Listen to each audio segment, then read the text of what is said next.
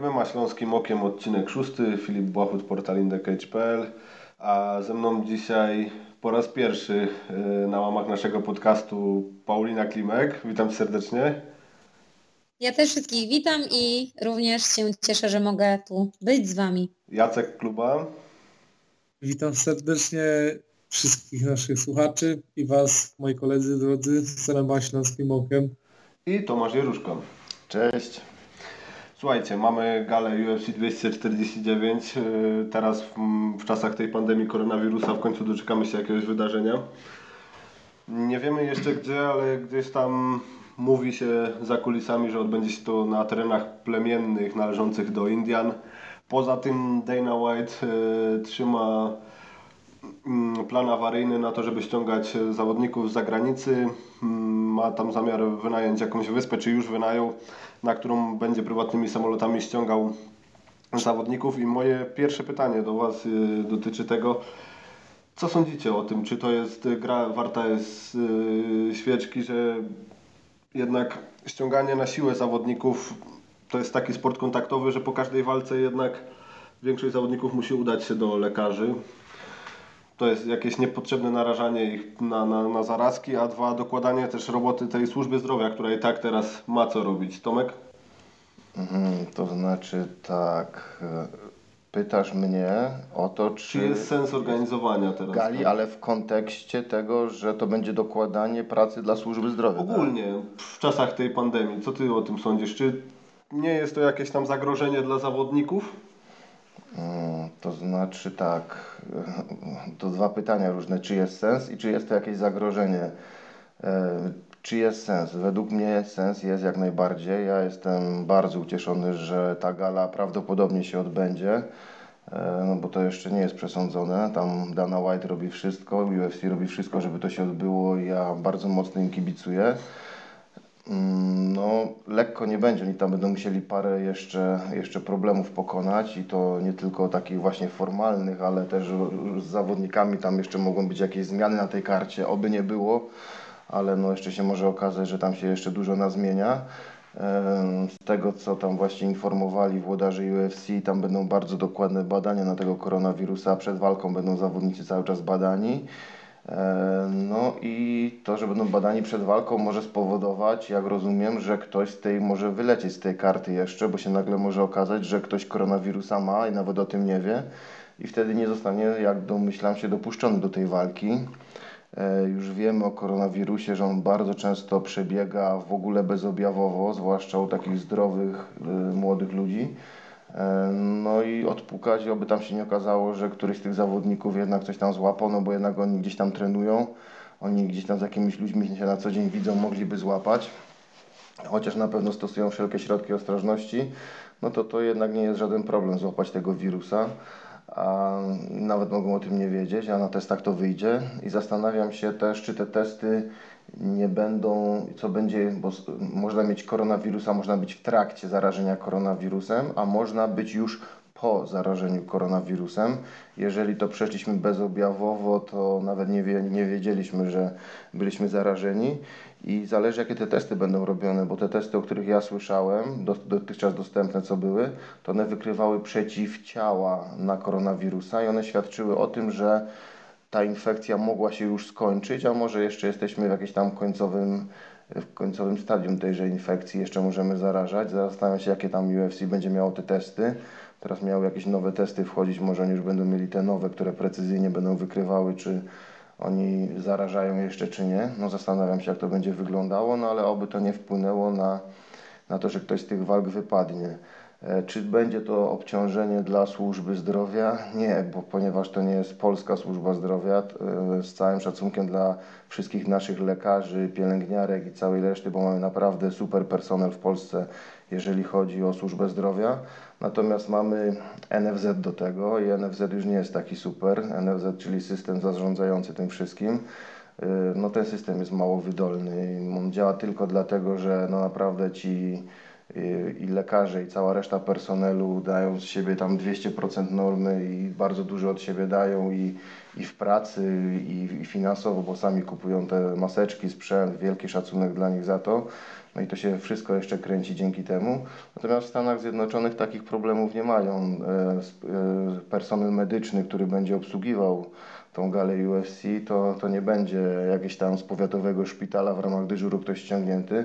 To będzie z jakiejś prywatnej kliniki wszystko. No wiadomo, ktoś tam może doznać odpukać jakiejś ciężkiej kontuzji i trafić do normalnego szpitala ale to no, na pewno to będzie przewidziane. No, w Stanach Zjednoczonych mamy, to, to nie jest model opieki zdrowotnej prywatny oczywiście, natomiast no, jest dużo, dużo inny niż ten w Polsce i to takiego ryzyka raczej nie będzie. To, że się zawodnicy, jeżeli dwóch zdrowych zawodników będzie się ze sobą tukło, no to jeden drugiego automatycznie nie zarazi. Jak rozumiem, cały personel gali też będzie przebadany.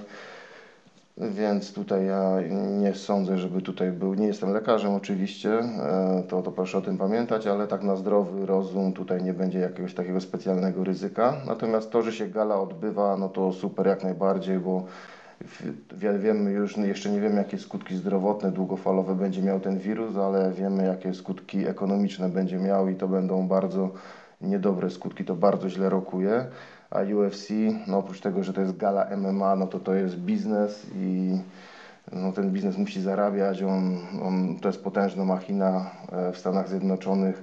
No, zresztą to świadczy o tym, że Dana White został tam w pewnym momencie sklasyfikowany jako jedna z dziesięciu najbardziej wpływowych osób w Stanach Zjednoczonych e, według tam jakiegoś rankingu swego czasu, także to świadczy o tym, jaka to jest machina, ile to osób zatrudnia, jak to ładnie rynek nakręca. Mm, no także ja mam nadzieję, że właśnie pomoże to UFC przetrwać ciężkie czasy i wszystko się będzie fajnie toczyło. I co do tego, gdzie to się będzie odbywało, mówiłeś, że to będzie na terytorium indiańskim, tak? W Stanach Zjednoczonych mamy coś, co się kiedyś brzydko nazywało rezerwatami, znaczy dzisiaj to się brzydko kojarzy, to jest niepoprawna politycznie nazwa. Teraz to się nazywa terytorium autonomiczne. E, no to są te takie obszary no, no stricte rezerwatów, chociaż teraz unikają nazywania tego tym słowem. One się właśnie cieszą dużą autonomią no, ze względu na, na zaszłości historyczne. No, pamiętamy jak to było historia białego i żółtego, czyli czerwonego człowieka w Stanach Zjednoczonych, jak wyglądała. I ci Indianie, czyli rdzenna ludność Stanów Zjednoczonych, tak w cudzysłowie, w ramach przeprosin za to, co tam się kiedyś zdarzyło w ramach takiego odszkodowania, uzyskali mocną autonomię na wielu obszarach i wykorzystują to między innymi do na przykład do stawiania kasyn, tam gdzie nie można stawiać kasyn, bo miejscowe prawo tego zabrania.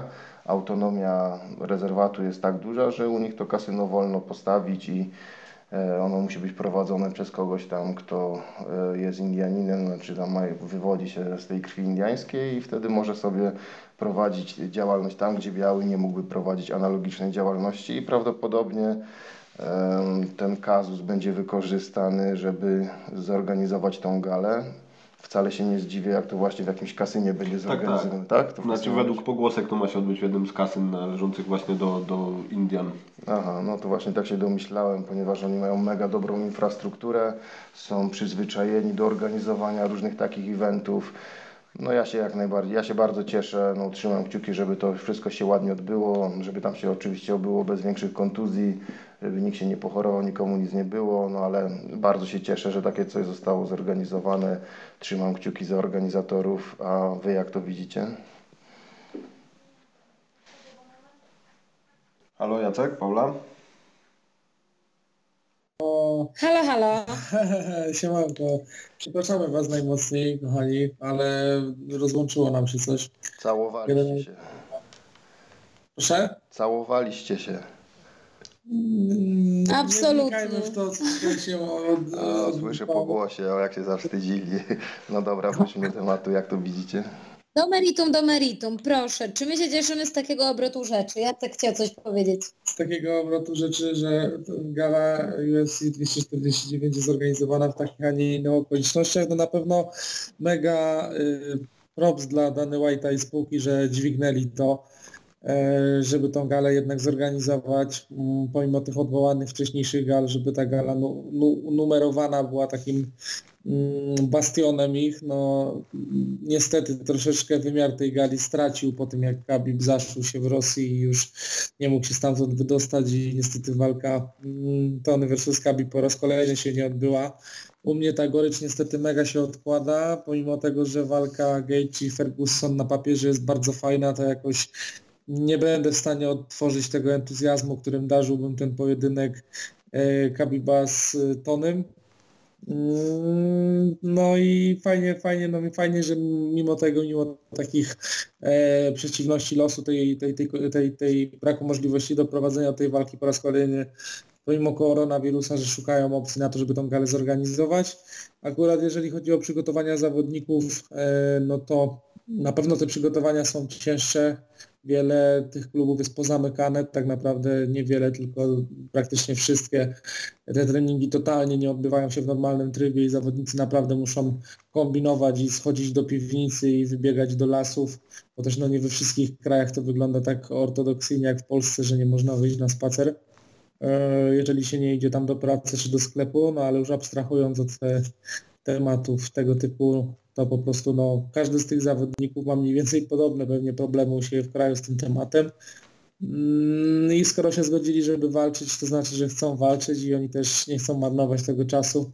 Tak naprawdę nie wiadomo, kiedy ta sytuacja się unormuje i kiedy te gale będą się odbywały w takim trybie jak wcześniej. E, dlatego też e, no, dla nich to jest jakaś tam okazja do zarobienia pieniędzy, do bycia zauważonym, bo sądzę, że gala tego typu po tylu tygodniach przerwy będzie miała na pewno mega oglądalność i myślę, że ludzie e, kupią pay-per-view e, tak jakby e, to była jakaś mega, mega, mega gruba jubileuszowa gala z jakimiś superfightami, także tego życzę Daniel White'owi, żeby ten cały pot na skroniach związany z koniecznością zorganizowania tego wydarzenia w takich okolicznościach, no jednak odwdzięczył się na końcu deszczem dolarów i, i tym, żeby też UFC wyszło na plus na tym, że podjęło takie mega biznesowe ryzyko, no bo y, na pewno była to ciężka decyzja i sporo osób tam musiało mieć zerwane nocki, głowiąc jak to wszystko ugryźć. Także tak jak wspomniał Tomek, no, no, fani też tutaj chcieliby obejrzeć walki, całe środowisko kibicuje, dopinguje, no i oby to wszystko się wydarzyło. Jest to też swego rodzaju pokaz siły.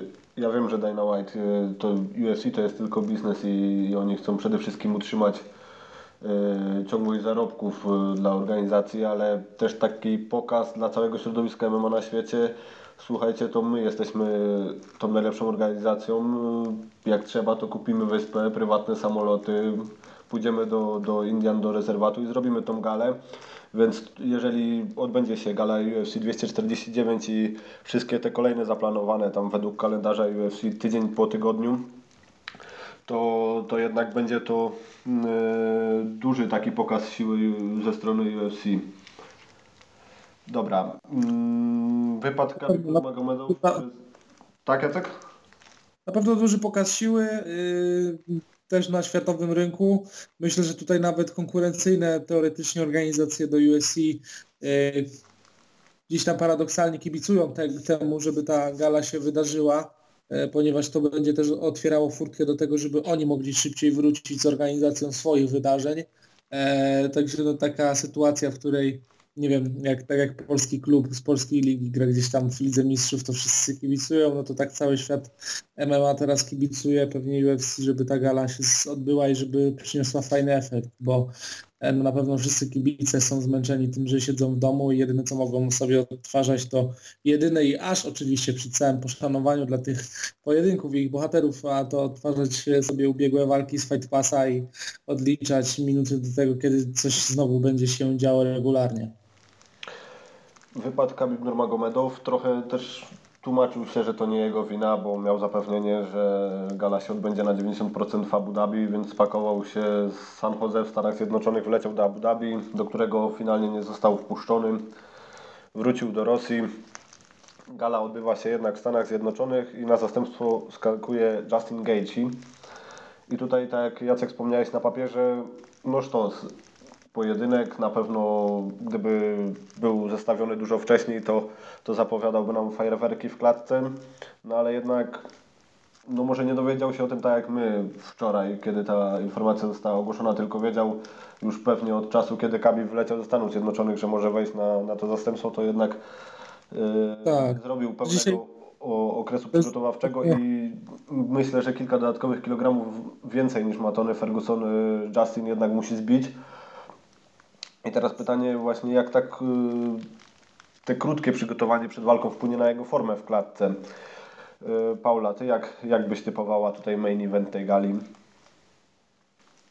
E, to jest bardzo ciekawe dla mnie, co się wydarzyło w ogóle, bo ja bym się nie spodziewała, że takie zastępstwo uda się załatwić, szczerze mówiąc, e, ale widzę w tym jakieś takiej nici niewidoczne dla normalnego e, fana lub fana, który nie jest aż tak bardzo w temacie, bo Justin Gaethje jest trenerem i Rose Namajunas, która się przygotowuje teraz do tej samej gali i Boże, co ja powiedziałam? Chciałam powiedzieć, że Trevor Whitman jest head coachem i Justina Gaethje i Rose Namajunas, więc prawdopodobnie możemy zasugerować, że Rose się z Justinem przygotowuje. Dlatego też mogli, że tak powiem, dobić takiego targu, że on wejdzie w miejsce Habiba.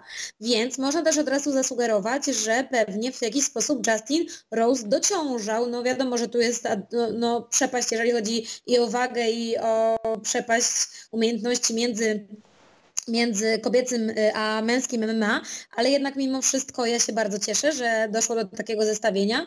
Wiadomo, że Justin ma troszeczkę gorzej y, i tak naprawdę w moich oczach jest underdogiem, ale no Justin to jest taka postać, która yy, naprawdę każdego może i to w każdym momencie zaskoczyć, bo jego, yy, jego taka nieprzewidywalność jednak jest yy, czymś, co bardzo nadaje smaczek jego stylowi i jego styl jest bardzo lubiany.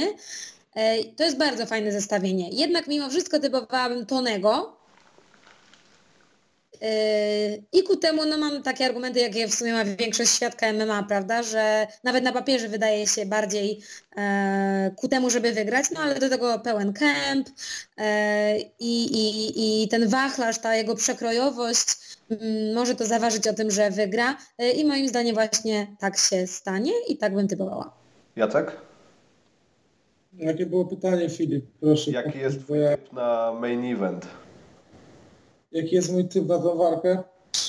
Kurczę, no tak naprawdę taka walka, której nie chciałbym na swoim kuponie mieć, e, ze względu na to, że mm, ciężko tego faworyta wytypować. Na pewno Tony na papierze jest takim faworytem też zdroworozsądkowym, bo jednak e, był pokonywany Gaethje przez e, Poiriera, e, przez Alvareza. Paula, czy mogłabyś teraz Unię uruchamiać się? Nie Mogłam wziąć tylko No wiem, ale to dlaczego tak to wygląda? Dobra, no i generalnie no, Tony ma tą serię wygranych i wydaje mi się, że ją wydłuży. Myślę, że ma baden na to, żeby Gaethje'ego pokonać. Walka na pewno będzie fajna i nie sądzę, żeby dotrwała do końca.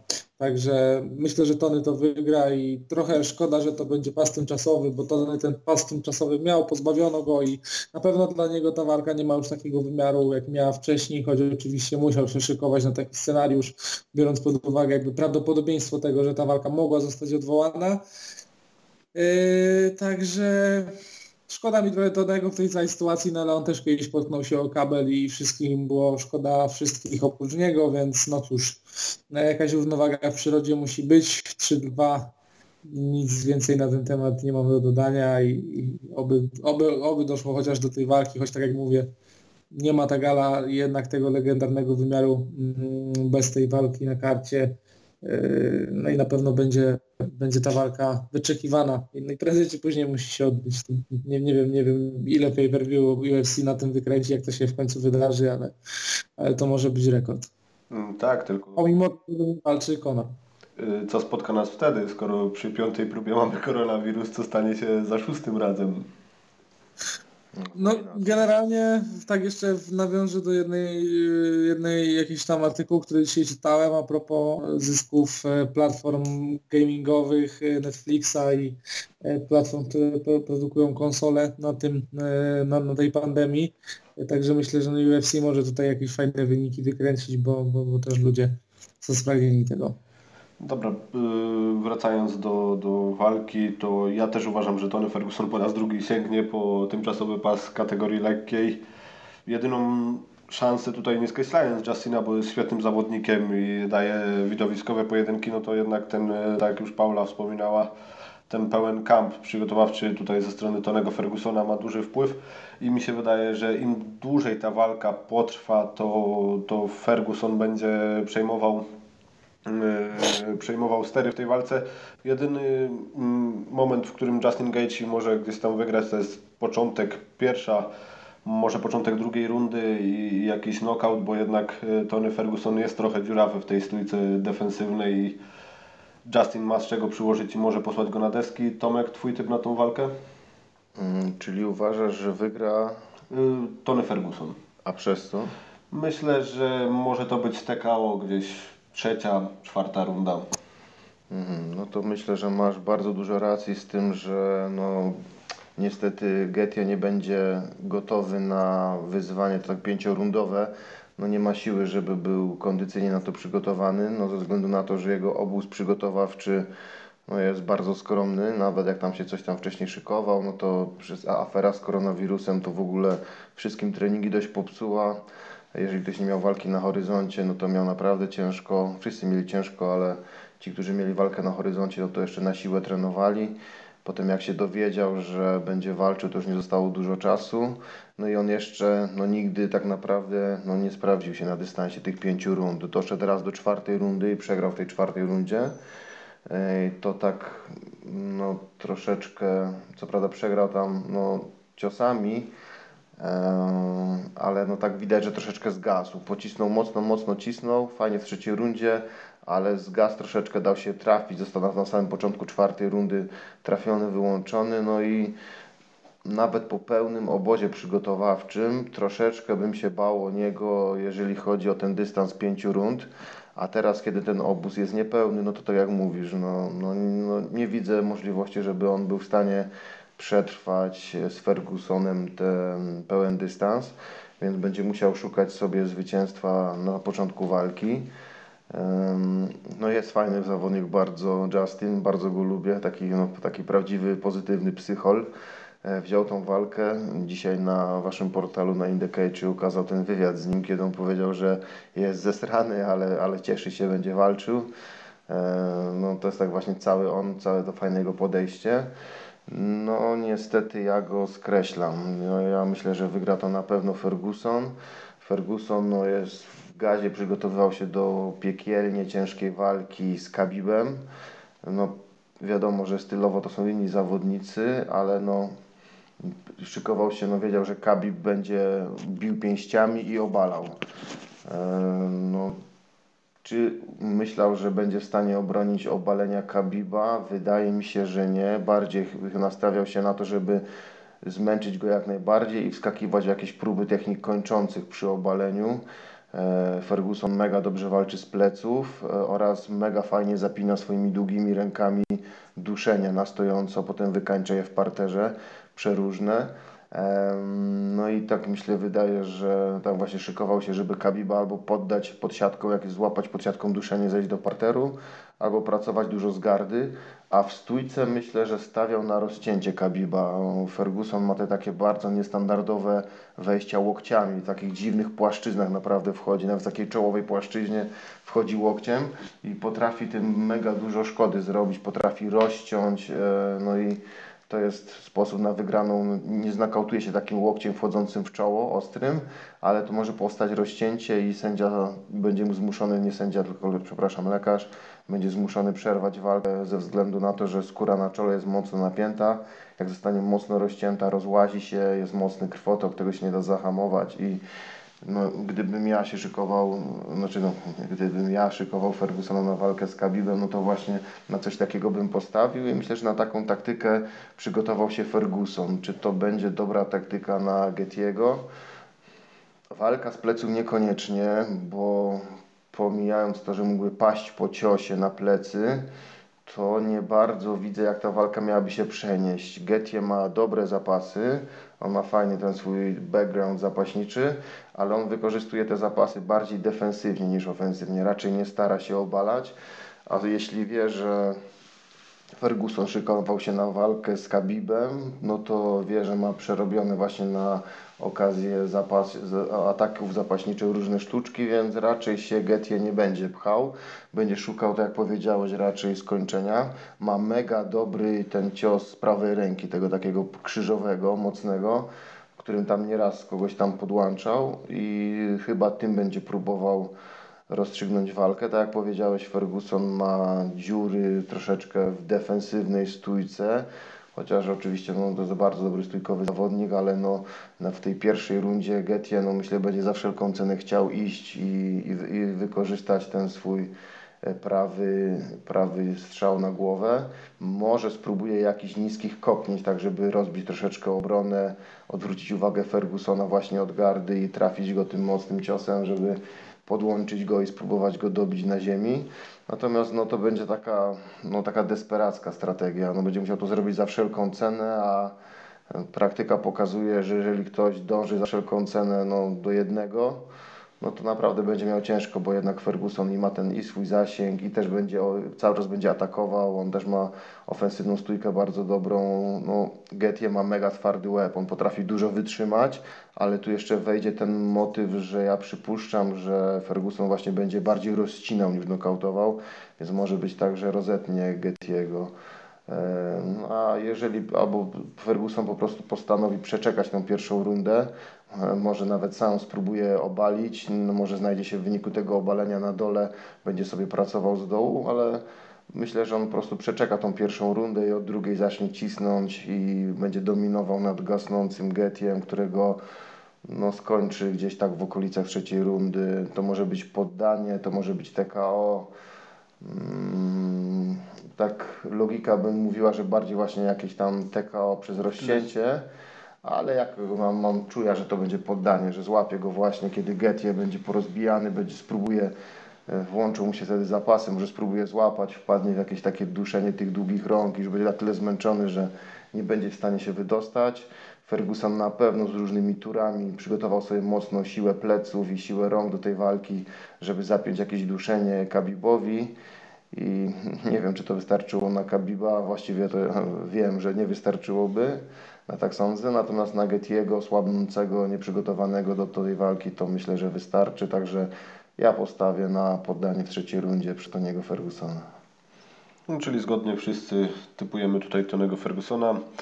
Co-main event tej gali, rewanżowe starcie Jessica Andrade z Rose na Majunas i tutaj myślę, że trzeba oddać głos Pauli, tak wielkiej, wielkiej fance Rose. Paula, jak ty typujesz ten pojedynek? E, trzeba, nie trzeba, po prostu robicie to z jakiegoś rodzaju galanterii i, e, i dżentelmeństwa, bo tak naprawdę są osoby, które uważają, że takim e, fanboyom, czy w tym przypadku no, fankom danych zawodników wręcz nie powinno się dawać głosu, bo jest się wtedy stronniczym. Na przykład uważa tak Mariusz i uważa też tak Jacek. A propos mojego zdania na temat róży, ale postaram się być bardzo merytoryczna. I teraz wyłóżmy sobie to wszystko na takie małe czynniki pierwsze, roz, roz, e, rozbierzmy to. I teraz tak, e, będzie to rewanż, rewanż, który niefortunnie przegrała Rose. Dlaczego mówię niefortunnie? Ponieważ dominowała przez pierwszą rundę i gdyby aż tak nie zaufała swojej... Hmm, Hmm, teraz jaki rodzaj umiejętności tutaj podpiąć? Czy to jest już jakiś rodzaj grapplingu, bo tam niby jakaś kimura miała być, czy to jest po prostu rodzaj, nie wiem, bycia pewnym w klinczu, w, w takim bardzo bliskim dystansie z osobą? Oczywiście nie mówię tutaj o dystansie na wymiany. E, po prostu zaufała tym swoim umiejętnościom i okazało się to dla niej zgubne, bo jak to się mówi, jak to jest to przysłowie z tą y, si, si, aha, siłą, prawdziwa siła nie boi się techniki, tak? Nie wiem, znacie to? Znamy, znamy. Tak, no i właśnie tutaj w tym przypadku rzeczywiście okazało się to prawdą. Y, no i teraz y, mamy ten rewanż. Rewanż bardzo duży procent świadka y, chciał, żeby się odbył. Nalegali na niego fani MMA y, od razu po y, tej walce. Nie znam dokładnych statystyk, natomiast pamiętam jaki był obraz mediów społecznościowych. Pamiętam e, komentarze na Instagramie, na tych mediach wszystkich, które się rzeczy trzeba, my, my jako media polskie musimy śledzić. E, I teraz będzie okazja, żeby, żeby to się ziściło. E, argumenty, które prze, za Rose przemawiają, to na pewno jej praca nóg, bardzo dobra, myślę, że najlepsza w kobiecym MMA obecnie. Y, bardzo dobrze się rusza. Nie chcę tu kalkować, bo teraz wyjdzie, że będę kopiowała MMA Tonight, ale ja byłam pierwsza, bo ja pisałam to w swoim typie, y, który już dawno został opublikowany w typie na Fortunę i odsuwam teraz wszystkich naszych widzów, którzy to słuchają, do typu na Fortunę w walce y, na Majonas Andrasz, gdzie ja tam się rozpisałam i napisałam to, że ta stójka przeszła bardzo długą drogę, wyewoluowała niesamowicie. W ogóle Rose to jest taka zawodniczka, której ewolucja jest widoczna bardzo dobrze gołym okiem. Ja ją śledzę już od czasów Invictus, konflikty e, i z takiej swojej tej brawury, to, to, to też jest ewolucja psychologiczna, ewolucja jej w ogóle e, mindsetu, tego w jaki sposób ona się zachowuje, jak, jaki ona ma też, jak ona spokorniała, jak ona wyciszyła. Niektórzy, na przykład Martyna od nas z redakcji, którą bardzo pozdrawiam, e, uważa, że jest to na przykład gra i kompletnie nie kupuje tego nowego wizerunku róży, takiej spokojnej, takiej mniszki. Mm, ja na przykład, ja natomiast widzę w tym wielką spójność i w tym, że po prostu ona znalazła, ona szukała siebie bardzo długo tak naprawdę, ona jest jeszcze bardzo młoda, ona jest rok ode mnie starsza, 92 rocznik, e, no to jak na taką młodziutką jeszcze kobietę, no ma prawo osoba błądzić i tak naprawdę znaleźć siebie i E, śmieszą mnie tak naprawdę komentarze typu o, wielki z niej thug. No to był jej, to jest jej pseudonim, który pochodzi z jakichś jej czasów nastoletnich, gdy była niepokorna, zapinała latające balachy w Invictie mając chyba 18 lat, więc no wtedy jak najbardziej to pasowało. E, a dlaczego ma się tego wyzbywać? Jednak jest to jakaś historia, pokazuje to. Ale wróćmy jeszcze teraz do, y, do, do formy, co, co jeszcze przewa przeważa u Róży. Na pewno ta praca nóg, e, na pewno wiemy, że potrafi walczyć na pełnym dystansie, a tutaj akurat i, tak jest y, trzyrundowa, więc, y, y, więc to nie jest aż, aż takie w sumie, aż taki wielki plus, no bo gdzie walczyła z Paige Van Zandt na pięć pełnych rund, no pod koniec piątej rundy ją poddała i walczyła z naszą Asią też przez pięć pełnych rund w rewanżu. Mm, no na pewno też głowa, no i też jej przekrojować, bo stójka jest dobra, ale też wiemy, że ma kończące techniki. Ona ma brązowy pas w taekwondo i nie wiem, nie wiem jaki rodzaj utytułowania ma w BJJ, chyba też brąz, y, ale no na przykład swojego y, tufa wszystkie trzy pojedynki przegrała przez trzy, y, wygrała przez trzy inne techniki kończące. Była tam Kimura, była gilotyna i była balacha. I potem też ona też nigdy nie ukrywa, jaki ma swój game plan. Ona zawsze ma za zadanie wyboksować i potem udusić. I to zawsze mówi to w takim fajnym w takim fajnym, w takiej fajnej sekwencji, że coś tam box out, choke out, jako, jakoś tak to ubiera w słowa. E, czy to będzie wystarczające na Andrasz? No właśnie ja bym raczej się nie kusiła, tym bardziej, że wiemy jak to może się skończyć. Co przemawia za Andrasz? Yy, ogromna siła, ogromna siła. Yy, na te cepy mimo wszystko bym no, nie liczyła, biorąc pod uwagę właśnie tę szybkość i ten sposób poruszania się Rose na nogach. Raczej nic nie grozi. Yy, Rose nawet jeżeli, może, może ten jakiś tam wiatrak szczęśliwie by wtedy wszedł, no to, no to wiadomo, że każdy jak Karola padnie. E, niestety. E, I co jeszcze? Aha, no i Andrasz też potrafi tak naprawdę na długim dystansie walczyć, bo z naszą Asią też przewalczyła 5 rund. E, no i to by moim zdaniem było na tyle. Dlatego ja tym razem y, będę zgodna z moim typowaniem na Fortunie i ja tam dałam, y, o ile się nie mylę, TKO w trzeciej rundzie. TKO w trzeciej rundzie albo poddanie w trzeciej rundzie. W każdym razie skończenie, ale późno, w trzeciej rundzie. Ale dla kogo? Dla Róży. Mm. Tomek? Mm, no i mnie ta walka bardzo interesuje, no jest mega ciekawa, bo jak tak popatrzymy na papier, no to jest e, takie zaplątanie, jak popatrzymy na historię, z kim walczyły te dwie zawodniczki. E, obie walczyły na przykład z naszymi Polkami, które są w UFC, czyli z Asią i z Karoliną. I tutaj jest teraz pełen mętlik, bo e, Rosna Majunas wygrała i to dwa razy z Asią, natomiast przegrała z Karoliną, natomiast Jessica odwrotnie e, pokonała Karolinę? Karolinę, a przegrała z Asią, czyli po prostu no jak nożyce, kamień i papier. Nożyczki tną papier, papier owija kamień, a kamień tępi nożyce. Także bądź tu człowieku mądry. No to jest tak zwany trójkąt MMA, trochę takich trójkątów jest, jakby tak patrzeć. Zgadza się, dlatego to bardzo ciekawą sytuację tworzy. No i trzeba w takim razie się stylowi przyjrzeć. No oraz popatrzeć przez pryzmat ich ostatniej walki. Wiadomo, ostatnią walkę wygrała Jessica Andrasz przez ten taki naprawdę imponujący slam. No i co można powiedzieć? No na pewno, co się pierwsze rzuca w oczy, to będzie walka szybkiej zawodniczki z silną zawodniczką. No, o ile Jessica Andrasz to jest naprawdę taka pioruńsko mocna, silna fizycznie, naprawdę z taką mocną, statyczną siłą, prąca do przodu jak lokomotywa dziewczyna, to Rosna Majunas, to co powiedziała już Paula, ona no, tańczy na nogach jak motyl. Czy ma najlepszą pracę na nóg w tej dywizji, to nie wiem, bo ja wydaje mi się, że Asia jednak jest lepsza, chociaż przegrała dwie walki i nawet nie czekam na ich trzecią, to teraz Asia ona w tym swoim najgorszym czasie walczyła z Ros, kiedy właśnie nie chodziła, coś tam jej się stało, no ale powiedzmy, że no niech to będą te dwie najlepsze zawodniczki chodzące.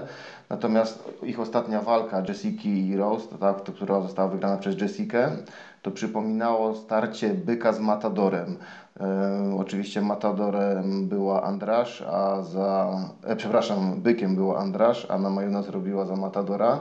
Andrasz leciał, robiła dużo błędów, bo stała czasami na środku oktagonu i zbierała ciosy, a czasami się uruchomiała i próbowała zagonić na siatkę, wepchnąć w siatkę na Majunas. Na Majunas no po prostu przegenialnie uciekała jej, cofała się, cofała i kiedy już wydawało się, że jest zamknięta na siatce, nagle takim zwodem po prostu w jakiś no prawie że magiczny sposób wychodziła kilka razy rozpędzona Jessica, aż sama władowała się w siatkę. No to wyglądało po prostu jak zmaganie byka z matadorem na hiszpańskich arenach. Naprawdę coś pięknego, jeżeli ktoś nie widział tej walki, to naprawdę powinien nadrobić. E, no i co się stało jasne w tej walce? E, to, co Ty, Paula, powiedziałaś, e, jak Rose zamknięta pod siatką, próbowała tych swoich sił, zaufała, nie potrafiłaś tego nazwać, bo to właściwie ciężko nazwać, czy to stójka, czy to parter, bo to niby było w stójce, niby w zapasach, ale tam była próba kimury. Ja to nazywam Sakuraba Tactic, bo to ten japoński zawodnik legendarny Kazushi Sakuraba, on właściwie był chyba pierwszy, który w MMA, o ile pamiętam, nikt tak wcześniej tego nie robił. On pierwszy zaczął zapinać nawet nie pod siatką, bo on walczył w ringu, czyli pod linami, zapinał kimurę i to z tej kimury właśnie kontrował akcje zapaśnicze przeciwnika, często po prostu wykonując rzut i od razu przechodząc płynnie do techniki kończącej. E, widać, że e, na Majunas ma właśnie no, ten taki sam, tą samą tendencję do tego. O czym to świadczy? To świadczy właśnie o braku takiej statycznej siły fizycznej. E, bardzo często zawodnicy, którzy mają problem, e, są wciskani w siatkę, nie są w stanie nawiązać tej siłowej rywalizacji z przeciwnikiem. Uciekają się do tego właśnie, żeby zaatakować dwoma rękami jedną rękę przeciwnika. Jeżeli ja wciskam kogoś mocno w siatkę, trzymam go ręką, to yy, mam ręce po obu stronach tułowia, czyli jedna moja ręka na jedną stronę tułowia. On ma w tym momencie, co prawda, oddaje mi bok albo plecy, ale ma szansę zaatakować wtedy Kimuro moją rękę. Ja mogę go wynieść i obalić, ale jeżeli zdoła to ładnie dopiąć, zapnie ładnie ręce, skręci się dobrze, no to obalając mogę wpaść prosto w technikę kończącą. To też tak nieraz już bywało, e, że ktoś obalając wpadał prosto w kimurę i klepał praktycznie kilka sekund albo od razu po obaleniu. To nawet w naszym polskim MMA tak bywało. E, pamiętamy, to była bodajże walka Fijałki z Donem Strajongiem. E, mm, chyba to właśnie wtedy, kiedy obalił Fijałka i wpadł prosto w kimurę. E, niebezpieczna technika. Natomiast tutaj była widać tą straszną mega różnicę siły, no kiedy Andrasz po prostu no, złapała klincz pod siatką, Róża poszła do tej kimury, a Jessica ją wyniosła z nogi na wysoko, obróciła, rzuciła na garba i to właściwie było koniec walki, był knockout. Przy czym trzeba powiedzieć, że to była w pierwszej, to była akcja w drugiej rundzie, a analogiczna akcja była w pierwszej i wtedy Rose udało się wyjść na swoje, udało jej się wykręcić z tego ładnie, przejść do jakichś ataków w parterze, do balachy, kiedy Jessica uciekła z tej balachy podnosząc się do góry, odepchnęła ją nogą, sama wstała, czyli ta pierwsza akcja Rose wyszła, ale w drugiej akcji już Jessica wiedziała czego się spodziewać i kiedy Rose próbowała powtórzyć swoją akcję, no to została znokautowana. No i dlatego myślę, że ta walka pokazała, że obie mają narzędzia do wygrania tej walki. Narzędziem Rose jest przewalczyć to w stójce, atakować cały czas, wykorzystać przewagę szybkości, odskakiwać, doskakiwać, zwłaszcza momenty, kiedy Jessica się zatrzymuje, to po prostu jest bezradna całkowicie. Rose wtedy wskakiwała z prostym i odskakiwała, a Jessica nie była w stanie nawet tej dopiąć gardy szczelnej i ręka Rose przechodziła prostym pomiędzy jej rękami, lądowała jej na twarzy. Widać jak twarz e, Jessica była zdewastowana po tej jednej rundzie. Natomiast Jessica nawet nie jest też tak całkiem szans w stójce pozbawiona, bo zauważcie, że kilka razy, kiedy mocno zaszarżowała, ale nie z myślą o złapaniu klinczu, tylko jak zaszarżowała, skróciła dystans, padła do pół dystansu, to wtedy ładowała serię ciosów na tułów i na głowę i to były ciosy, które wchodziły i robiły wrażenie. Jednak ta no może nie jest tak dynamiczna jak Rose, ale no samą tą taką swoją fizycznością potrafiła takie ciosy, które wyraźnie na e, Rose robiły wrażenie. Także i tutaj w stójce się musi pilnować na Majunas. No ale powiedzmy, że tą stójkę będzie miała dla siebie. I teraz taktyka dla Jessica będzie taka. Iść mocno do przodu. Ja bym na jej miejscu szedł cały czas ostro do przodu, tylko z ciosami. Wchodził w pół dystans, bił ciosy, a dopiero za drugim, trzecim razem, kiedy Rose nastawi się na to, że to są wejścia w bijatykę, dopiero wtedy łapać clinch i obalać spod siatki, może znowu rzucać na głowę, może znowu bawić się w takie ekwilibrystyczne techniki, to wynoszenie, bo widać, że ona jest tak silna, że jest w stanie pomiana, pomiatać Rose jak manekinem e, do zapasów. E, no i to byłaby strategia dla Jessica, którą ona może wygrać tą walkę. Na pewno nie może stać w miejscu tak jak na, zdarzało jej się w ich pierwszej walce, bo to będzie jej koniec. Natomiast strategia dla Rose jest jasna. Jeżeli Jessica się na chwilę zatrzyma, to od razu wskakiwać, odskakiwać, bo to są takie ciosy, które bardzo dewastowały w pierwszej walce twarz Andrasz i tutaj to będzie na pewno to samo. I praca na nogach, taka sama jak wtedy, te ucieczki, wszystko dokładnie to samo, tylko musi w momencie, jeżeli już zostanie zagoniona i sklinczowana pod siatką, dać sobie spokój z tą kimurą. No musi tutaj bardziej jakieś klasyczne techniki stosować, obracać się do niej, próbować walczyć, e, wejść w wykluczanie rąk, próbować, nawet jak zostanie obalona, dopiero wtedy przechodzić sobie w tryb parterowy, a zwłaszcza uciekać do stójki, bo w tej pierwszej walce, w pierwszej rundzie pokazała, że no po prostu wykorzystując tą zwinność, dynamikę, potrafi bardzo ładnie do stójki uciec. No i tak z tego wszystkiego wychodzi, że one tą walkę obie mogą wygrać według mnie. I to nawet ja, to jest chyba taka walka na tej karcie chyba najbardziej równa. No, ja bym, nie wiem jakie będą kursy, jeszcze nie patrzyłem na kursy, nie wiem czy one już są, pewnie już są. E, ale jeżeli będzie kurs, na przykład no, ostatnio wygrała Andraż, więc może być teraz dużo atrakcyjniejszy kurs na, na Majunas, to warto wtedy obstawić, jeżeli ktoś chce stawiać pieniądze, no właśnie na Majunas. Jeżeli tam będzie duża różnica w kursie, to obie mogą wygrać, obie mają taktykę. Ja bym delikatnie faworyzował na Majunas ze względu na to, że jakoś bardziej mi się wydaje, że więcej będzie zatrzymań e, Jessica Andrasz w miejscu, bo Jessica ma takie tendencje, żeby stawać w miejscu i te wszystkie momenty, kiedy będzie stawała, będzie zbierała robiące wrażenie ciosy. Natomiast no, to łapanie kimury pod siatką, czyli największy błąd e, na Majunas, no to jest takie coś, co można stosunkowo szybko skorygować. No nawet jak ona ma taki nawyk, to narożnik będzie cały czas krzyczał, żeby ona tego nie łapała, żeby jakąś inną akcję sobie przerobią, prawdopodobnie może jakiś odwrotny półpas albo właśnie wpychanie rąk, spychanie głowy. No, jest kilka różnych innych rzeczy zamiast tego, które można zrobić.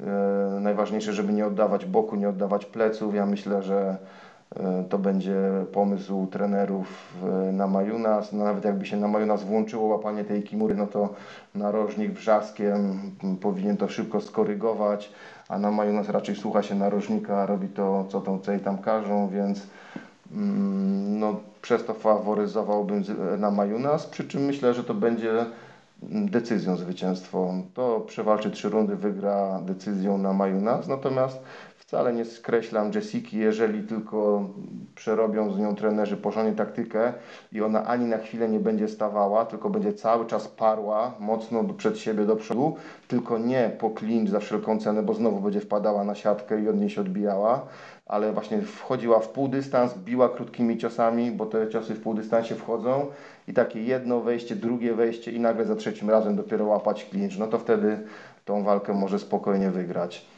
Więc bardzo Ja jeszcze chciałam zrobić taki, taki malutki, taki malutki, szybciutki off-top y, do Tomka. Co ty w ogóle, Tomek, myślisz o legalności tego slama? Bo pamiętam, że jak właśnie to się zdarzyło, to też podniosło to jakąś taką y, debatę publiczną, y, bo tam w przepisach, teraz dobrze nie pamiętam, ale do bardzo dobrych linków na twicie od, dawał, dawał odniesienia TJ Marciniak, a propos tego, że to jest niezrozumiałe, że jak jest przepis do, co do nielegalności slamów na głowę, kark i tak dalej, i tak dalej, jest specjalna gwiazdka od gwiazdki od gwiazdki, że ten jeden slam w momencie, kiedy mm, tam druga osoba próbuje mm, jakąś zakładać e, technikę no, dźwigni czy coś takiego, akurat jest legalny i że wszystkie inne są w obronie nie, nielegalne, tylko ten jest legalny i że to było takie strasznie twisted. I właśnie chciałam się zapytać, co myślisz na ten temat? Nie, tutaj nie ma kompletnie żadnego pola do wątpliwości według mnie. To przepisy właśnie stwierdzają bardzo jasno. Jeżeli zawodnik broni się przed techniką kończącą, a to ewidentnie była obrona przed techniką kończącą, bo tam była próba wyciągnięcia kimury, no to ma prawo zeslamować i to nawet nie było na głowę, to było na garba, jak to się mówi. Poleciała, owszem, na kark leciała, na górną część pleców, ten wstrząs przeszedł na głowę, ale to nie był taki rzut jak swego czasu e, Fiodor Emelianienko poleciał centralnie prościuteńko wbity jak e, igła w ziemię na głowę, tylko ona poleciała, no, uderzyła karkiem, uderzyła górną częścią barków w momencie, kiedy ciągnęła tą technikę kończącą. Mm, Także no, to było w pełni legalne. Nie wiem, czemu tam jakieś są kontrowersje. No, przepisy dokładnie opisują tą sytuację i tutaj nie było żadnego pola do wątpliwości. No, puentując, stawiam, że wygra to na Majuna z decyzją, ale jeżeli będzie dobry kurs na Jessica Andrasz, to można spokojnie, śmiało stawiać, że wygra to decyzją Jessica Andrasz. E, I paradoksalnie większe szanse na skończenie tego przed czasem według mnie ma właśnie Jessica, bo może znowu wykręci jakiś slam albo e, uda jej się e, po jakimś rzucie opanować w parterze na Majunas i zmusić sędziego do przerwania ciosami. No ale jeżeli mam podawać wynik, no to na Majuna z decyzją. No ja myślę, że Wy już o tej walce powiedzieliście wszystko, co się dało. Ja tylko dodam, że yy, właśnie typuję Jessica Andrasz przez y, TKO po, po jakimś obaleniu właśnie przerwanie przez sędziego po ciosach w parterze. Jacek, Ty jeszcze króciutki typ na tą walkę? No generalnie jeżeli chodzi o typ na Andrasz, na Majuna z dwójeczkę, myślę, że tutaj dużo zależy od tego, w jakiej kondycji Rose wyjdzie do tej walki. Mówię tutaj o takiej ogólnej kondycji psychicznej, no i jakimś stresie pourazowym, który po tak ciężkim nokaucie gdzieś tam no, na pewno się odłożył. Pytanie, czy już sobie z nim poradziła, czy jeszcze nie. Jeżeli wejdzie w takiej swojej optymalnej, progresującej formie, myślę, że uciągnie bagaż tego rewanżu, wyciągnie wnioski i już nie da się złapać jak w pierwszej walce. Natomiast no Andrasz też nie jest ciemię bita i ona też wnioski wyciąga. Jest to zawodniczka ze światowego top tak naprawdę 3 od dłuższego czasu. No i mm, wierzę w to, że też będzie ta walka mniej z jej strony taka e, na mm, no taka, że będzie bardziej może przemyślana, że będzie tam więcej trochę taktyki, trochę więcej pomyślunku, mniej takiego, takiej próby stłamszenia po prostu y, swoją aktywnością i fizycznością rywalki i mam nadzieję, że dzięki temu ta walka będzie jeszcze lepsza niż ta pierwsza walka. E, Co do y, werdyktu, czy w jaki sposób ta walka się zakończy, y, ja myślę, że no Rose nie ma dużych chyba szans na to, żeby poddać Jessica Andrasz ze względu właśnie na tą siłę. W parterze ta siła e, jednak pomimo na pewno technicznej przewagi Ro- Rose jednak robi sporą różnicę i ciężko jest takiego e, mocnego rywala jak e, Andrasz zmusić do klepania. Jeżeli tak, no to myślę, że duszenie z pleców jest taką jedyną techniką, którą tutaj by się mogła Rose wpiąć porządnie i Jessica w ten sposób odpalić. To jest jakby jedyne poddanie, które mi przychodzi na myśl. E, biorę pod uwagę też niestety możliwość zakończenia tej walki przed czasem w drugą stronę. Naprawdę mega ciężki typ, ale żeby się nie narażać w domu, to zatypuję tą walkę dla Rose. Na Majna. Zawsze byłem taki przekorny i dokuczałem Paulinie i podważałem tą zawodniczkę wielokrotnie dla Beki, ale no już nastał kres y, taki, że już nie mogę sobie wiecznie robić ja i teraz trzeba oddać e, co należne e, pani Klimek. No także tyle na temat tego zestawienia i, i oby, oby ten, e, ten co-main event i main event już zmianie nie uległy do czasu tej gali. Czyli mamy 3 do 1 w typowaniu. Kolejne starcie na, na tej gali Greg Hardy kontra Jorgan De Castro. Sądzę, że panowie są trochę za wysoko na tej karcie walk, ale wiem, że to jest e, biznes. Trzeba sprzedać pay-per-view jeszcze w całej tej sytuacji z koronawirusem i były futbolista amerykański, za którym ciągną się różne kontrowersje. E, dlatego zajmuje tak wysokie miejsce. Nie rozwodząc się zbytnio nad tym pojedynkiem, ja uważam, że Hardy wygra ten pojedynek. Obaj panowie trafili do UFC po programie Dana White Contender Series. De Castro jest niepokonany, ale myślę, że UFC tak buduje karierę Grega Hardego, żeby właśnie to on wyszedł zwycięsko z tego pojedynku i, i nie rozbijając tego na atomy, wydaje mi się, że to Hardy zwycięży pojedynek. Jacek? No mi się wydaje, że na pewno UFC tutaj prowadzi Grega, tak jak powiedziałeś, to nie jest taki zwykły zawodnik e, dla UFC, który gdzieś tam sobie trafia przez program i tak naprawdę nikt go na szerszą skalę nie znał. Hardy jest jednak byłym zawodnikiem największej e, ligi futbolu amerykańskiego, więc ta rozpoznawalność w Stanach jest e, no niezrozumiała dla polskich fanów, bo to jest trochę tak jak e, u nas, nie wiem, Robert Lewandowski, no przesadzam, bo Hardy na pewno nie jest najlepszym futbolistą, ale no nie wiem, tak jakby Robert Lewandowski stwierdził, że będzie walczyć w MMA, bo piłka nożna to sport narodowy w Polsce, umówmy się, powiedzmy, e, a, a futbol amerykański jest narodowym sportem w Stanach, także on tam ma mega rozpoznawalność, na pewno będzie dalej premiowany na kartach. E, De Castro, mm, dobry rekord, fajne zwycięstwo ostatnie, już w UFC, więc jakby zweryfikowany można powiedzieć. No i taki rywal nie z czapy. Ja bym też chciał, żeby Hardy walczył z, z takimi przeciwnikami, którzy gdzieś tam z, z, na zwycięstwo są wyżej w rankingu, ale UFC cały czas mu podaje tych y, zawodników wagi ciężkiej, którzy gdzieś tam w, no nie powiem, że w tyle, ale, ale, ale no nie są to jakieś pierwszoplanowe postaci. Wiadomo, że to jest inwestycja, prowadzenie takiego zawodnika, który jest ex-gwiazdą jakiegoś dużego sportu, także nie dziwi mnie to. Y, nie sądzę, żeby Hardy dostał w najbliższych dwóch, trzech walkach jakieś mega wyzwanie. Myślę, że taką pierwszą walką wyzwaniową będzie walka z jakąś ex-legendą y, kategorii ciężkiej, która gdzieś tam już się ma ku schyłkowi. Mm, no i, i tyle na ten temat. Wygra tą walkę, sądzę, jednak jakimś tam swoim e, też większym doświadczeniem i no fizycznie się dobrze w tych walkach pokazywał, pasuje do tej kategorii, jest dużym gościem, który potrafi e, robić drugiemu gościowi krzywdę i na pewno na dłuższym etapie, jak e, nie wiem jak wyglądają jego treningi dokładnie, mm, nie miał okazji też się zweryfikować z żadnym magikiem jakiejś konkretnej płaszczyzny, wszyscy jego przeciwnicy byli tacy, umówmy się, no w miarę wielopłaszczyznowi, z jakimiś tam lekkimi naciskami na, na, na, na, na jakieś konkretne bazy, także e, faktycznie trochę wysoko. Mm, ja też jestem zwolennikiem jednak tutaj sportowego podejścia do kart głównych, ale wiadomo w Stanach to wygląda troszkę inaczej. My to dostajemy e, w, w takiej formie, e, że można sobie galę obejrzeć na Polsacie za darmo w nocy, bo w nocy, ale jednak a to jest drogie pay-per-view, więc no muszą tam, wiadomo, przekonywać do tego, żeby tą kasę wydać i, i oglądać to na żywo. Tyle Hardy, na Tylko Ci jeszcze dodam, że Greg Hardy w poprzednim pojedynku mierzył się z Aleksandrem Wołkowem, więc już to było jakieś tam wyzwanie, wziął walkę na zastępstwo, więc miał już jakieś poważniejsze wyzwanie. Nie przegrał, jak większość y, wskazywała go prze, przed czasem, tylko przewalczył pełen dystans, ale tak jest prowadzony bardzo bezpiecznie i i jest to zrozumiałe, biorąc pod uwagę ten no, cały fame. Myślę, że e, walka tutaj z Wolkowem była takim win-win situation dla Hardego, bo e, faktycznie było tam takie krótkie wyprzedzenie, on tą galę trochę uratował.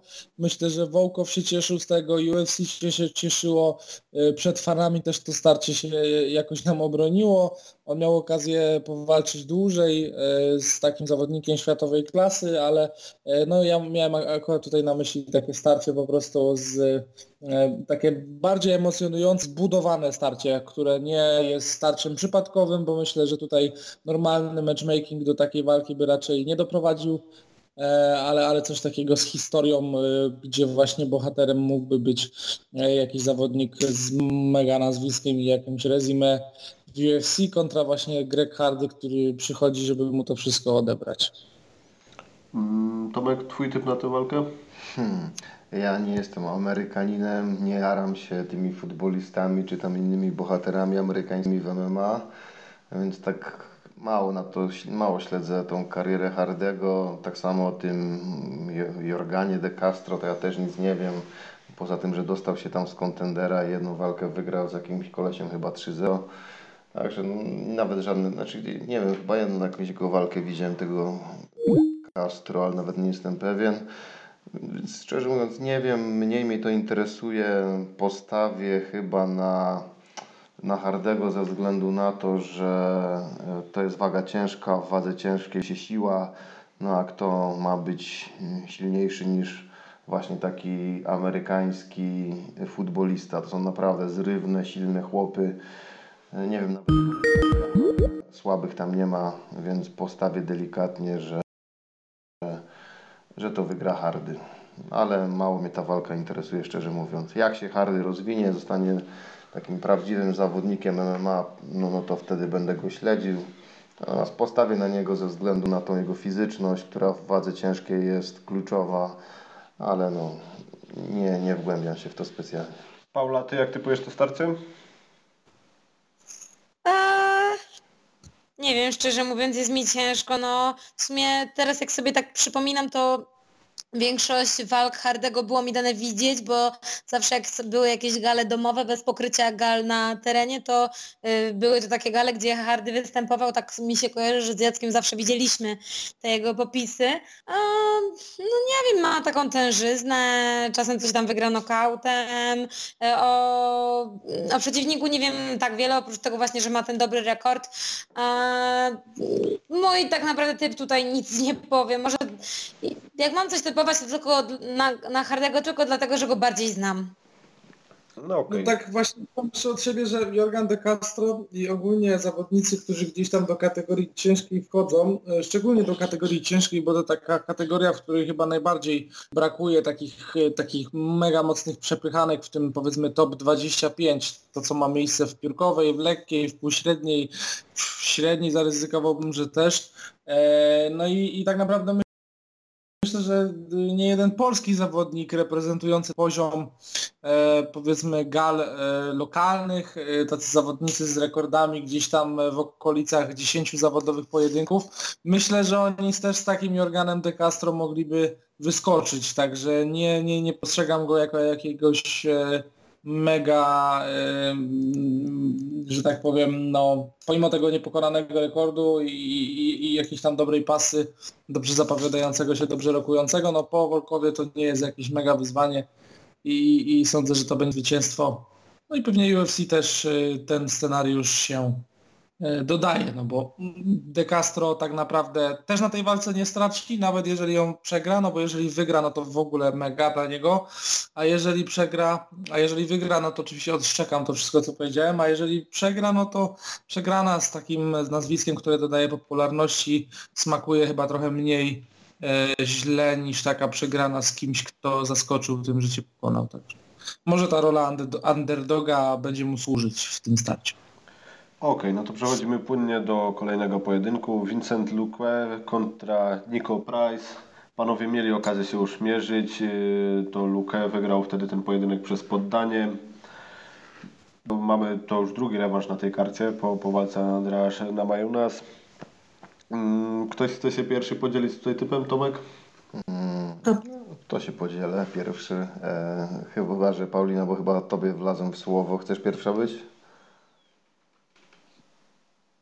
Prostu mi tylko po prostu kojarzy się Nico Price y, z tego filmiku, który UFC wypuściło The Only Man Who Finished with the upkick from the ground i wiecie, no znacie te dwa nokauty, które upkickami tam skończył i to takie ekwilibrystyczne po prostu, więc y, taki ciekawy tak naprawdę zawodnik, który w sumie y, w dość nietypowy sposób potrafi walkę zakończyć. No Vicente Luken, no... I dobrze, dobrze też y, nie, nie, nie, nie, nie codziennie w stanie być skończonym i no Nico Price jest takim zawodnikiem, który no idzie i albo zabija, albo jest zabijany. Tak naprawdę nie przypominam sobie jakiegoś nudnego pojedynku z jego udziałem. Ma taki szalony styl, dosyć ciekawe warunki fizyczne, bardzo długie ręce, kończyny, taki jest mega wycięty. E, swoje też na głowę przyjął, także e, na pewno też troszeczkę już się zmienił jako zawodnik od czasu tych pierwszych występów w UFC i no ja osobiście nie widzę tutaj szans dla niego jednak na zwycięstwo. Luka jest zawodnikiem, który na pierwszy rzut oka dla, dla, dla osoby, która go nie zna, może się wydawać takim e, nudnawym trochę gościem, ale, ale naprawdę jest to zawodnik z bardzo dobrym bilansem, który też potrafi skończyć walkę przed czasem w każdej płaszczyźnie, no i myślę, że, że też tutaj po raz kolejny udowodni swoją wyższość. Nie dlatego, że jestem jakimś jego wielkim fanem, ale też miałem okazję oglądać galę na żywo z jego udziałem i, i, i jest to gościu, który idealnie przede wszystkim pasuje tej kategorii 77, jest takim książkowym przykładem zawodnika tej kategorii, jeżeli chodzi o jakieś tam proporcje, gabaryty fajnie się odnajduje i no, myślę, że myślę, że wygra, aczkolwiek no, Nico Price pokazał choćby w walce e, z Wikiem e, w, osta w ostatnim czasie, że potrafi w każdej chwili znaleźć lukę, żeby było śmiesznie, ha, ha, ha, u swojego przeciwnika, no i wykorzystać to na swoją korzyść. Także na pewno waleczka raczej nie do decyzji dobrze, że jest na karcie głównej, e, fajnie, że została wybrana i premiowana w ten sposób, bo na pewno e, tutaj zawodnicy się zmotywują tym i to są niezłe świry, szczególnie Niko i na pewno będzie, będzie to ciekawa walka. Także tak 70 do 30 dla Lukę, ale o tyle o ile jakoś tam logicznie mi się ten rewanż niespecjalnie układa, o tyle tak widowiskowo to, to chętnie to zobaczę po raz drugi. Tomek? No Jacek to bardzo ładnie podsumował wszystko. To Niko to jest taki właśnie zawodnik walczący w kratkę, ale taki crazy, bardzo e, te jego upkiki właśnie tu przegrywa, nagle trafia. No jest taki ten, tylko że Luke już zna jego styl, już z nim walczył, już go poddawał. No myślę, że będzie przygotowany na te takie, na, na, ten czynnik szaleństwa i po prostu powtórzy swój poprzedni wyczyn i wygra. Także obstawiam lukę, ale na pewno będzie ciekawa walka. No tu mogą być takie szalone akcje. Fajnie by było, jakby tak Niko nagle właśnie go znokautował jakimś upkickiem czy jakąś taką inną, nieszablonową techniką, ale stawiam na lukę. Ja myślę, że to starcie y, przyniesie nam trochę właśnie rozrywki po pierwszej walce na karcie głównej, która może zanudzić i wydaje mi się, że dopiero ta walka rozkręci całą tą galę, ale też stawiam tutaj, że, że Luke wygra ten pojedynek w tym pierwszym pojedynku, zanim go poddał, to, to jeszcze porozbijał Price'a i myślę, że tutaj też będzie podobnie. Też nie wiem, cały czas jest ten czynnik przygotowań i to, to ma duży wpływ, kto jak lepiej dysponuje lepszą piwnicą i lepszym zapleciem treningowym gdzieś tam w warunkach domowych i jak przygotował się do gali.